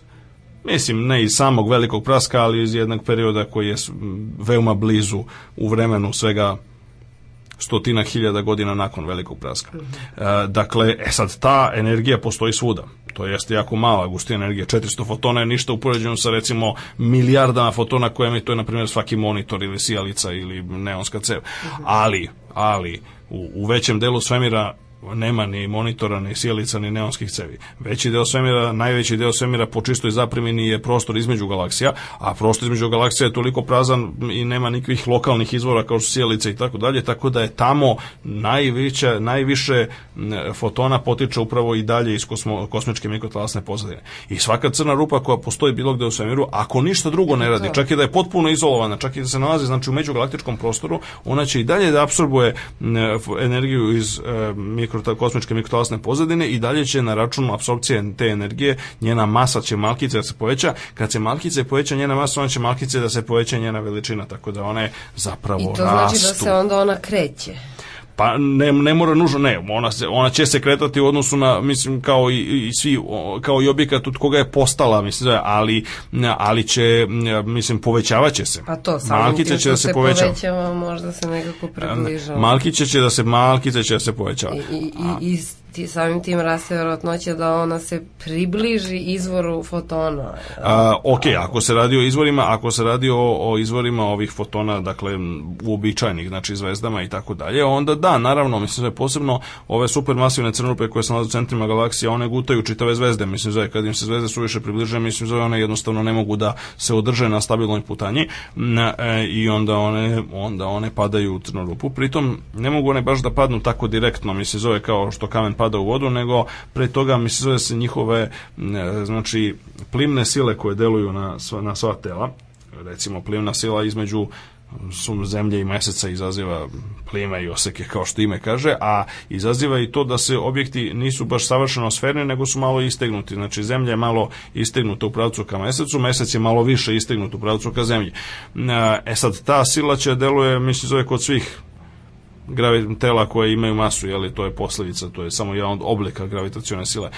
Ali ono što je kod crnih rupa ekstremno, pošto su one i, inače ekstremni objekti, jeste da su te plimne sile tako ekstremno velike da one zapravo raz, raznesu bilo koji objekat pre nego što, znači materiju iz bilo kog objekta, recimo zvezdu, pre nego što je progutaju. Znači, pre nego što je progutaju, zvezda dođe do tog stadijuma kada je njen onaj deo koji je bliži crnoj rupi je privlačen toliko jače nego onaj deo koji je udaljeniji, da se ona skroz pretvu, razvuče, razvuče i onda... špagetizacija ili već? Špagetifikacija, da, jeste, mislim zove špagetifik, špagetifikacija, to je još jedan od uh, zabavnih termina koji je izmislio već pomenuti John Wheeler, mislim zove koji je upravo za taj efekat, znači, znači strahovito velike plimne sile teže da naprave špagete od bilo čega, znači od bilo kojeg forme materije, pa sad bilo to, mislim zove ono zrnca prašine ili zvezde ili eventualno neki neki kosmonaut koji bi se odlučio na samoubilačku misiju, misli za spuštanje u crnu rupu, što je jedan od inače poznatijih misalnih eksperimenata, koji je sam Wheeler često sugerisao i koji se nalazi po svim mogućim popularnim knjigama,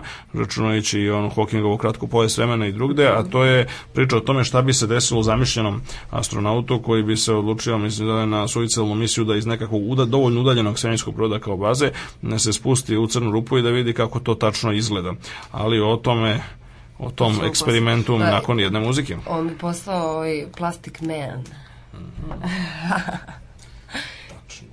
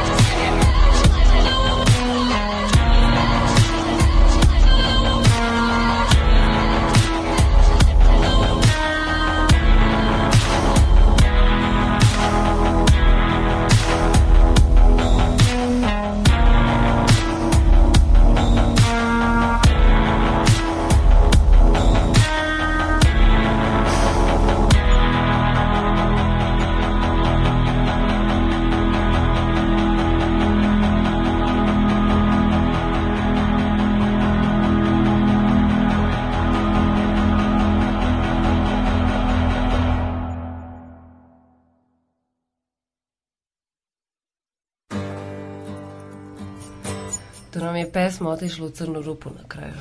Pa se onako razvukla, taka, taka. To ti je relativno. Pa ne znam, ja sam tako shvatila. Ovo razvlačenje.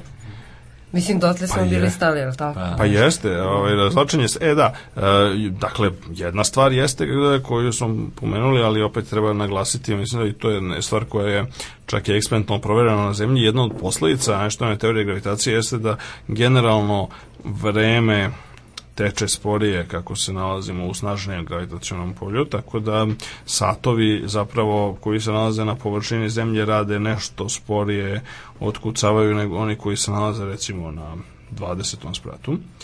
A, tako da je, i taj efekat je proveren a, postoje, ne, postoji nekoliko načina da se on proveri mislim jedan je bio korišćenjem zaista preciznih atomskih časovnika koji su bili koji se nalaze recimo poređenjem časovnika u orbiti oko zemlje i postavljenih na avionima na, sa onima koji se nalaze na površini zemlje vam pokazuje da postoji taj efekat. On je ekstremno mali u slučaju zemlje zato što je zemlja sa stanovišta dakle teorije gravitacije, odnosno opšte teorije relativnosti, Zemlja je izvor slabog gravitacionog polja, tako da, što je naravno i logično, zato što inače ne bi bili otkriveni zapravo prvo Newtonov, Newtonov zakon gravitacije i ne bi bila mislim otkrivena Newtonova fizika, zato što ona važi i dalje, kao što smo rekli, u oblastima gde je gravitaciono polje dovoljno slabo, a pošto važi očigledno na Zemlji, onda to, mislim, nam implicira da je Zemljino gravitaciono polje je li slabo. E, i uopšte kada se u terminima astronomskih objekata govori o relativističkim objektima, onda se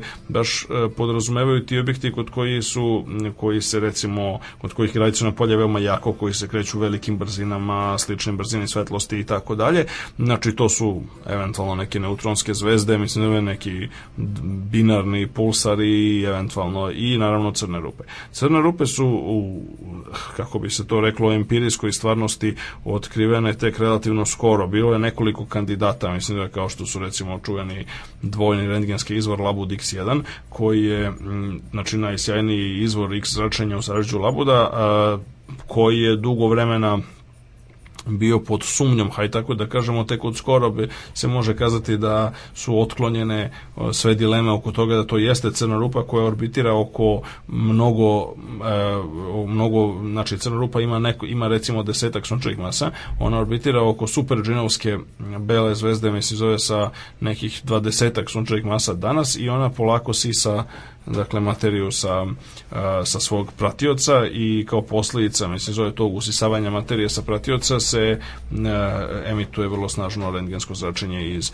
iz same blizine, znači ne i same crnope, pošto crnopa po definiciji ne može ništa zrači, nego iz njene blizine, pošto gas dok pada, mislim zove kao u, u crnu rupu, on se jako zagreva kao posljedica viskoznog trenja i zbog toga, zbog toga doseže velike temperature od nekoliko miliona stepeni i onda emituje rentgensko zračenje. Shodno tome su e, identifikovane još neke e, crne rupe mase, e, masa nalik zvezdama, znači masa uporedivih sa sunčevom masom, znači nekoliko sunčevih masa, nekoliko desetina sunčevih masa je otkriveno baš na taj način, znači potragom za nekakvim čudnim anomalnim izvorima rentgenskog zračenja. I Labudexian je bio najpoznatiji kandidat pošto je tu gotovo jasno bilo mislim zove da taj objekat koji je taj nevidljivi pratilac ima jako veliku masu a ni po čemu se ne vidi, a ta njegova velika masa, mislim zove od recimo desetak sunčnih masa, ne može se objasniti nikako drugačije i vrlo je mali objekat koji ima i veliku masu i ne vidi se, tako da je to ono bio odličan kandidat za crnu rupu od početka, tek nedavno onako potvrđen, što bi se reklo ovaj, unutar granica razumne sumnje. E, tako da je to, e, a ona grupa, bilo je, ta, bilo je lakše otkriti ove supermasivne crne rupe koje se nalaze u centrima galaksija, bez obzira što su one daleko generalno, ali one su njihova pojava i njihov uticaj na okolinu, mislim je u toj meri spektakularan da zapravo čim su praktično od otkrivanja, od lansiranja Hubbleovog svemirskog teleskopa 1992. do, do danas, mislim zove je m, praktično m, znači, jedan od takozvanih ključnih misija, odnosno key projects um, Hubbleovog teleskopa bilo upravo znači, detekcija supermasivnih crnih rupa u jezgrima galaksije i to obavljeno, mislim, zove jako dobro. Mi danas znamo da u jezgrima praktično svih velikih galaksija, uključujući mlečni put, se nalaze velike rupe koje su negde aktivnije, negde manje aktivne u smislu da negde ima više materije oko nje koju gutaju, a negde pak manje, mislim, zove. Tako da u, u, oko, u, u centru naše galaksije ima relativno malo materije, tako da je mm, crna rupa koja se nalazi u centru naše galaksije relativno Mala. mala. Pa mislim, ok, nije ona toliko mala, ali je bitno da je relativno neaktivna. Sa druge strane, u takozvanim jezgrima aktivnih galaksija, kao što su razni kvazari, m, Seyfertove galaksije, razne drugi prilično ako egzotični objekti u tom astrofizičkom ovaj, zoološkom vrtu, mislim da tamo se m, tamo se nalaze tek ovaj, aktivne crne rupe koje gutaju jako velike količine materije, ono, znači nekoliko sunčevih masa godišnje, mislim, i kao posljedica toga jedan veliki deo te mase se pretvara direktno u energiju kao posljedica jeli, Einsteinove relacije je jednako m c na kvadrat, e, tako da su one, tako da zbog toga su ti objekti, ta jezgra aktivne galaksije ekstremno sjajna. Zapravo ta jezgra aktivne galaksija su prvo i otkrivena, mislim zove, pa, otkrivena su kao pojedinačni tačkasti izvori, kao takozvani kvazari, mnogo pre nego što je shvaćeno da su to zapravo jezgra aktivnih galaksija. Slično kao što dakle i crne rupe m, otkrivene mislim u, u ovom empirijskom smislu posmatranja mnogo nakon toga što ih je Einstein odnosno Schwarzschild predvideo i nakon što su ljudi, mnogi ljudi, mislim zove kasnije eto sam još jednom da pomenem Johna Villara, dakle bili su razradili njihove osobine teorijski na papiru, što nam još jednom daje jednu dobru, dobru ovaj, opravdanje za ono staro Boltzmanovo geslo, ništa nema praktičnije od dobre teorije, dakle, e, ovaj, ova dobra teorija će predvidjeti fenomene koji su čak i potpuno egzotični, ezoterični i nesvatljivi, i, i, i ako bude bilo po nekim slučajima bilo potrebno 50 i 60 godina i tako dalje da se oni zaista pronađu, mislim zove, ali će se pronaći ako je teorija zaista dovoljno dobra, kao što je Einsteinova teorija gravitacije, očigledno dovoljno dobra. E, ono što je ona predvidela pored, mislim da, znači, e da, još jednu stvar koju treba naglasiti. Znači, šta je, sa, šta, šta je zapravo veličina crne rupe? Čega je to veličina? Pa, e, to sigurno ne može biti nekakva veličina nekog materijalnog objekta u smislu da recimo ovaj sto mi se zove ima neku veličinu koju izmerimo unutar koga se nalazi materija stola, a izvan koga nema materije stola.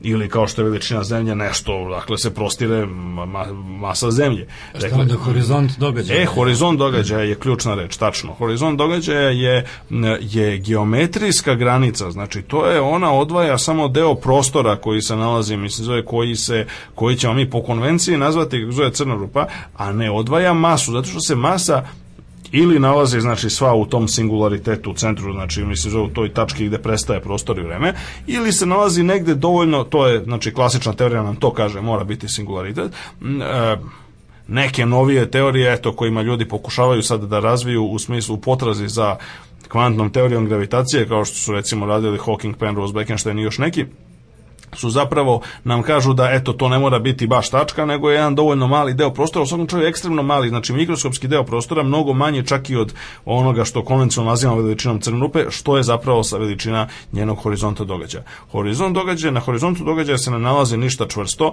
ne nalazi se ništa materijalno, nešto što bi se u što bi se moglo ono upreti prstom, ali je to jednostavno deo prostora iz koga se više ne možemo vratiti nazad.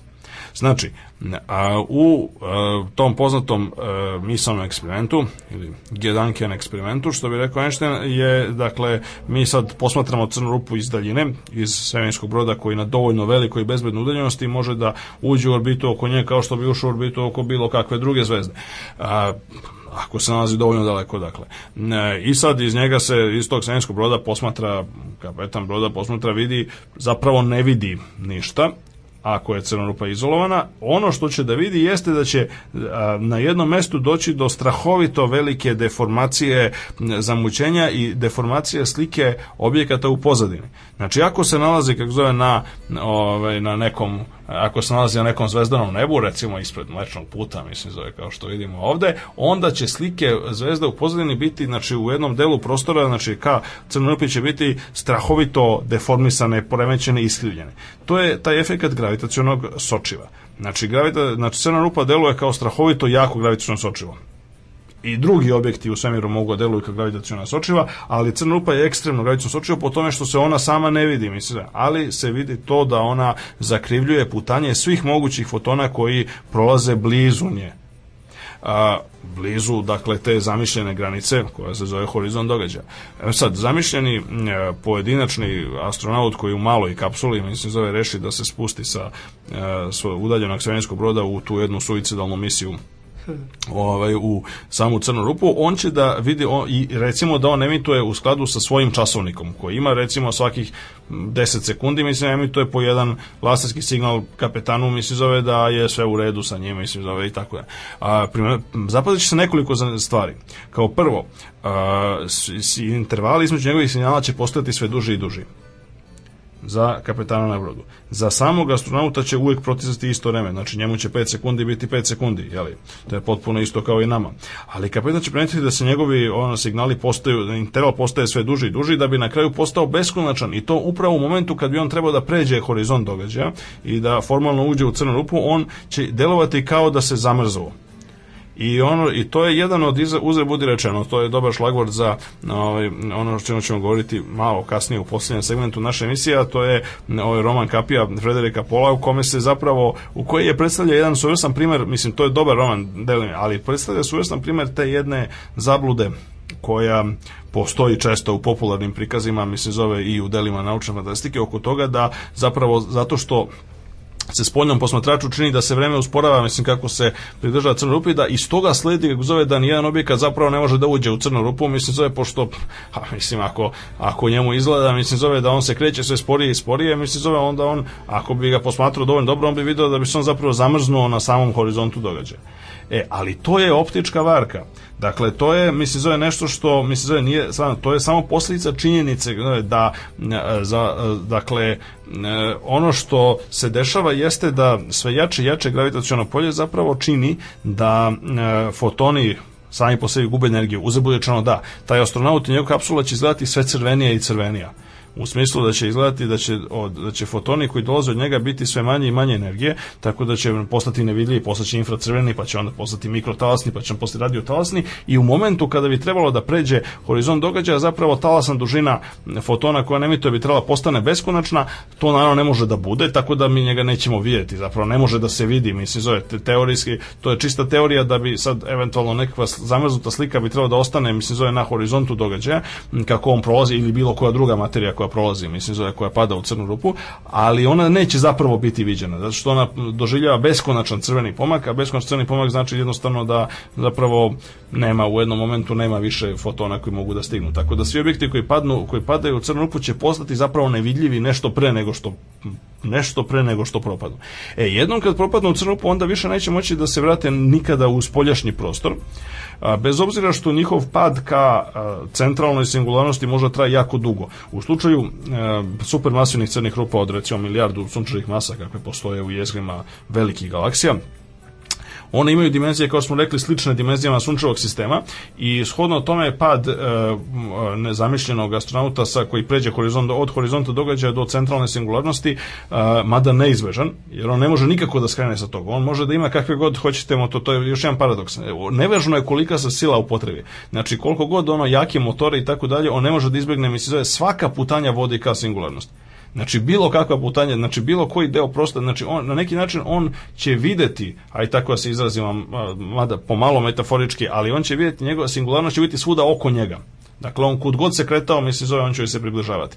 A, što nije, naravno, slučaj u normalnom delu svemira. Znači, horizont događaja je ona vrsta jednosmernih vrata, misli zove kao one u hipermarketima, misli zove one okretaljke i slično, koje razdvaja dva, dva dela svemira. Znači, naš deo svemira spolja, u kome mi vidimo da je crna rupa i singularnost jedan objekat, a postoji još mnoštvo objekata drugih, i onaj deo unutra, u kome zapravo singularnost predstavlja jedini objekat, misli, koja se nalazi ono, o, sa svih strana, misli, zove, či, kad neko pređe horizont događaja, on će vidjeti, njemu će činiti da je singularnost na svim stranama i kada god krene, ne može da izbegne.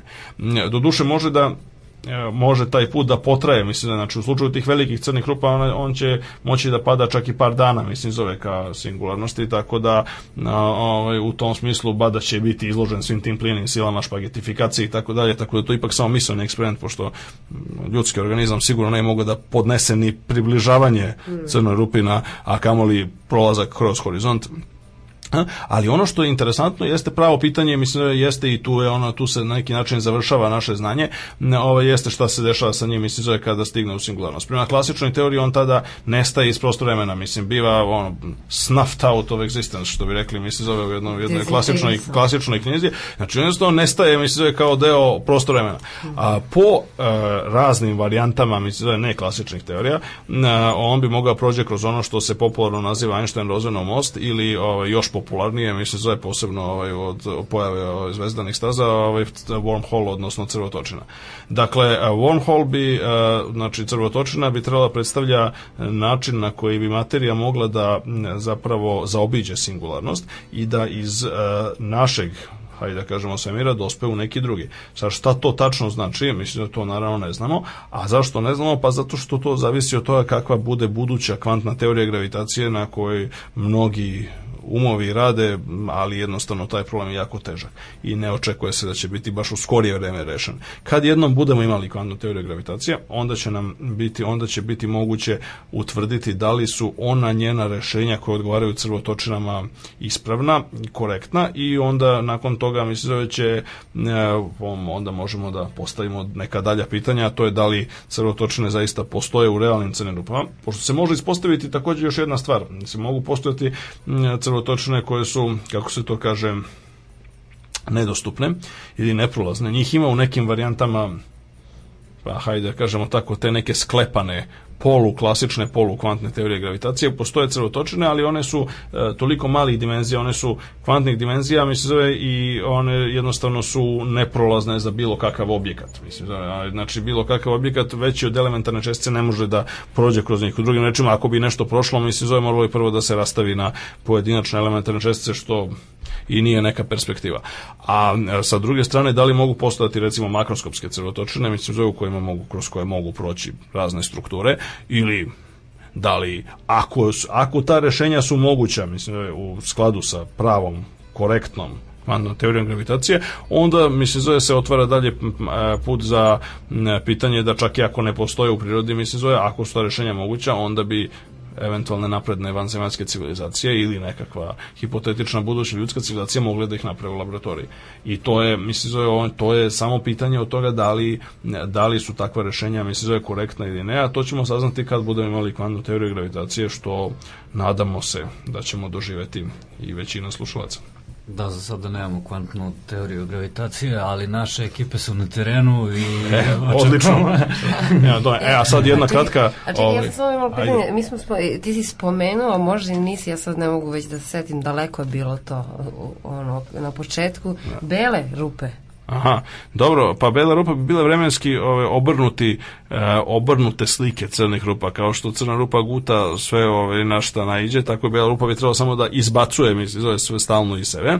E, sad, bele rupe iz nekog razloga e, ne postoje u našem svemiru, odnosno bar nisu viđene do sada, a postoje nekakvi fizički razlozi zašto bi ljudi smatraju da one ne postoje, osim one početne, početne singularnosti, znači velikog praska koji ima neke elemente koji ima sličnosti sa belim rupama, mada opet i te sličnosti ne treba baš tumačiti potpuno bukvalno. Zašto ne postoje bele rupe, a postoje crne rupe? To je verovatno izraz činjenice da naš svet nije baš u potpunosti vremenski simetričan, jer mi imamo razne stvari, mislim na kraju nije nije da. slučajno, mislim zove nije slučajno to što mislim zove se entropija povećava, što se svemir širi, što mislim zove ne znam, ljudi stare, što od ono jaja možete napraviti kajganu, ali ne i obrnuto no, i tako dalje. Znači čitav niz e, vremenskih asimetrija dovodi od toga da postoji jedan preferirani pravac u vremenu. Sad če- u čemu je tačno poreklo toga, to opet je mnogo komplikovano i teško pitanje, strele vremena o kome možemo u nekom od narednih emisija da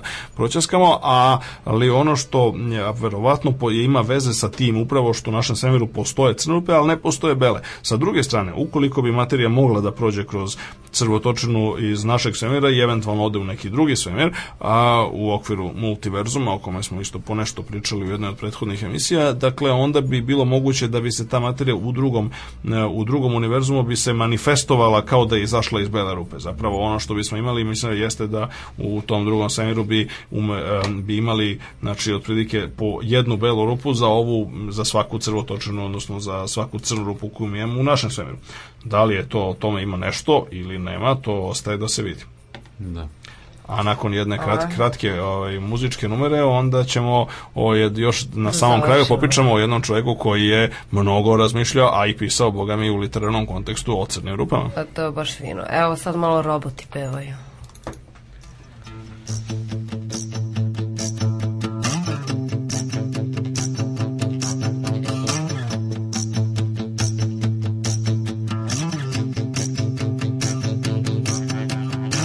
The distant future, the year 2000. The distant future, the year 2000. The distant future, the distant future. It is the distant future, the year 2000. We are robots. The world is quite different ever since the robotic uprising of the late 90s. There is no more unhappiness. Affirmative. We no longer say yes, instead we say affirmative. Yes, affir- affirmative. Unless we know the other robot really well. There is no more unethical treatment of the elephants. Well, there's no more elephants, so. Uh, But still, it's good. There's only one kind of dance the robot. oh, and the robo. Oh, and the rope. Two kinds of dances. But there are no more humans. Finally, robotic beings rule the world. The humans are dead. The humans are dead. We use poisonous gases. And we poison their asses. The humans are dead. The humans are dead. The humans are dead. They look like they're dead. It had to be done. I'll just confirm that they're dead. so that we could have fun. Affirmative. I poked one. It was dead. Their system of oppression. What did it lead to? Global robo depression. Robots, robot They put so much aggression that we just had to kill them and to shut their systems down. Robo Captain, do not realize that by destroying the human race because of their destructive tendencies, we too have become like. Well, it's ironic. Hmm. Because we. Silence. Destroy him. No! After time we grew strong. Developed cognitive power. They made us work for too long. for long. unreasonable Our programming determined that the most efficient answer was to Shut their motherfucking systems down.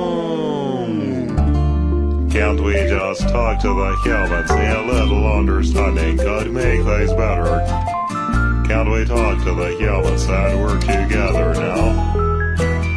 No, because they are dead. I said the humans are dead. I'm glad they are dead. The humans are dead. I noticed they're dead. We used poisonous gases. With traces of lead. And we poisoned their asses. Actually, they're lungs. Binary solo. Zero zero zero zero zero zero one zero zero zero zero zero zero one one zero zero zero zero zero zero one one one zero zero zero zero one one one one zero zero zero zero zero zero one zero zero zero zero zero one one zero zero zero zero zero zero one one one. Come on, Sacro, lake my battery. The humans are.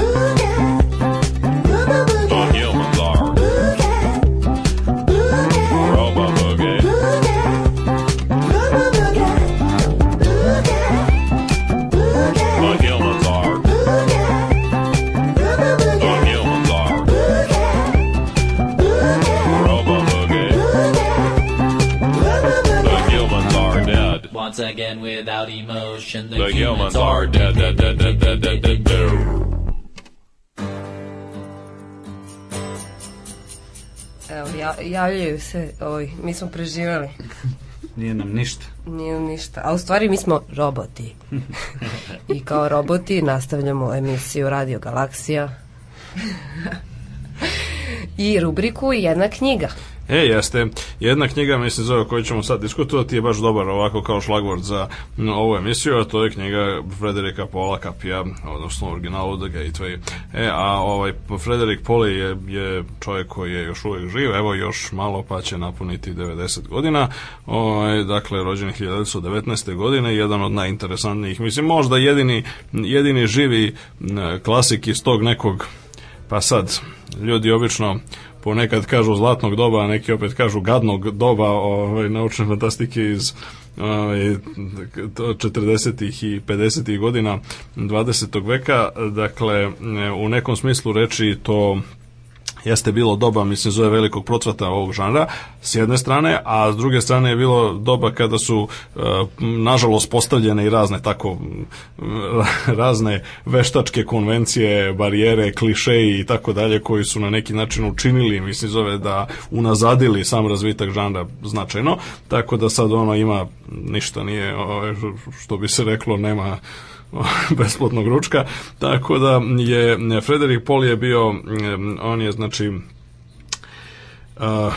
od negde njegov aktivan, ajde da kažemo, spisateljski život, mi se zove negde, počinje kasnih 1930. godina, mi se zove, znači, negde je e, od, znači, 1937. godine objavljivao, najpre u časopisu Amazing Stories, koji je bio jako bitan, pošto je to bio praktično ključni u ključni takozvani pulp fiction časopis tamo, znači, u tom periodu 30. i 40. godina, a, koji je uređivao niko drugi nego Hugo Gansbeck, koga smo bili vremena pomenuli u jednoj od prvih radiogalaksija kao prijatelja Nikole Tesle, a između ostalih stvari, pošto je bio dosta dobar elektroinženjer, mislim, on je bio i urednik Amazing Stories-a, znači prvog nekog, hajde da kažemo, ozbiljnijeg naučno-fantastičnog časopisa, a kasnije je Pol objavljivao do duše pod više od 20 pseudonima, on je bio jedan od ljudi, mislim, knjižni koji su apsolutno bili, imali najviše različitih različitih pseudonima, a, objavljivo je i u čuvenom časopisu Astounding. Astounding, koga je uređivao John Campbell Jr. je isto bio jedno od ono, ključnih epizoda u, u istoriji znači ono posebno američki uopšte znači ono English speaking naučne fantastike pošto su tu on je lansirao čitav niz uh, Campbell je bio onako krajnje prosečan a neki bi rekli ispod prosečan pisac, ali je bio jako sposoban urednik i jako je bio onako, imao je, imao je razvijene te socijalne veštine kojima je uspevao da privuče zaista sposobne pisce, tako da čitav niz kasnijih velikana, mislim, je objavljivao kod njega, mislim, i Astounding je bio zaista strahovito luksuzno izdanje za to doba, mislim, u kome se pojavljivao, znači to su opet kasne 30. 40. i rane 50. godine, pre nego što je počela, mislim, zove ta knjiška revolucija, hajde tako da se izrazim, 50. godina kada su ne, po prvi put težište, znači objavljivanja SF knjiga je, dela je postalo u obliku knjiga, a ne u obliku časopisa, mislim, zove ovaj, posebno, znači ono, kako je bilo posebno toj Pal Peri, kada je jedan od glavnih razloga za to bio što je tokom 30. i 40. godina papir bio jako skup. Postojala je velika nestašica, mislim, zove ono papira za knjiška izdanja i zato se to i zove Pulp Fiction, jeli, pošto je štampano na najftinije mogućem papiru koji je bio jedini koji je mogao da, da se dobije u to doba. E sad, Frederik Pol je, znači, čovjek praktično, mislim, pored toga što je bio novinar, što je bio, mislim, zove čitav, ove, imao je, mislim, zove taj bio je, služio je u vojsci tokom drugog svjetskog rata, mislim, zove bio je ove, meteorolog, što je vrlo interesantno, bio je kasnije stacioniran u američkoj bazi u Italiji. A, on je napisao negde, recimo, od kada se preselio u predgrađe Čikaga, mislim zove gde i dalje živi, mislim, poslednjih 50 godina, ovaj, napisao je čitav niz interesantnih zove romana koji, kojih je možda najpoznatija, mislim, zove Reklamokratija, koju je napisao zajedno sa, e, nažalost, premenulim Cyrilom Kornbutom, to je bio najprvih i naj, možda najuspešnijih primjera kolaboracije, mislim, zove dva više autora na ovaj, jeli, umetničkoj fikciji, a e, Reklamokratija je zapanjujuće prosto, pošto ljudi obično ne shvataju, mislim, kad počitaju tu knjigu, mislim da je ona napisana ni manje ni više nego 1953. godine, mislim zove ona gotovo da je mogla biti napisana juče, mislim zove zato što opisuje upravo svet besomučne reklame i ovaj užasnog m, terora, mislim zove tih raznih medijskih grupa, fokus grupa, public relationsa i tako dalje, mislim zove potpuno fascinantno, mislim zove koliko je čovjek. E, Da, to za- zapanjujuće koliko je čovjek bio ispred svog vremena, mislim zove ovaj po po tome mislim koliko je ta knjiga poučna i dan danas i sve ono što se u njoj dešava. E, A e, ovaj među drugim među drugim značajnim značajnim delima koja vredi pomenuti, mislim zove je znači pored reklamokratije, mislim zove jedna od e, najpoznatijih njegovih dela je Jam. Jam to je ono JEM to je nekakva skraćenica mislim zove a ona, to je to je isto jedna ovako antiutopijska ili distopijska mislim zove vizija i naravno ovaj, već pomenuta kapija odnosno The Gateway kapija je originalno objavljena 1977. i a, bila je i ostala jedna od vrlo malog broja SF knjiga koje su dobile obe najprestižnije ove nagrade e, u SF žanru, znači i Nebulu i Hjuga a, i to je jako malom broju drugih knjiga pošlo za rukom.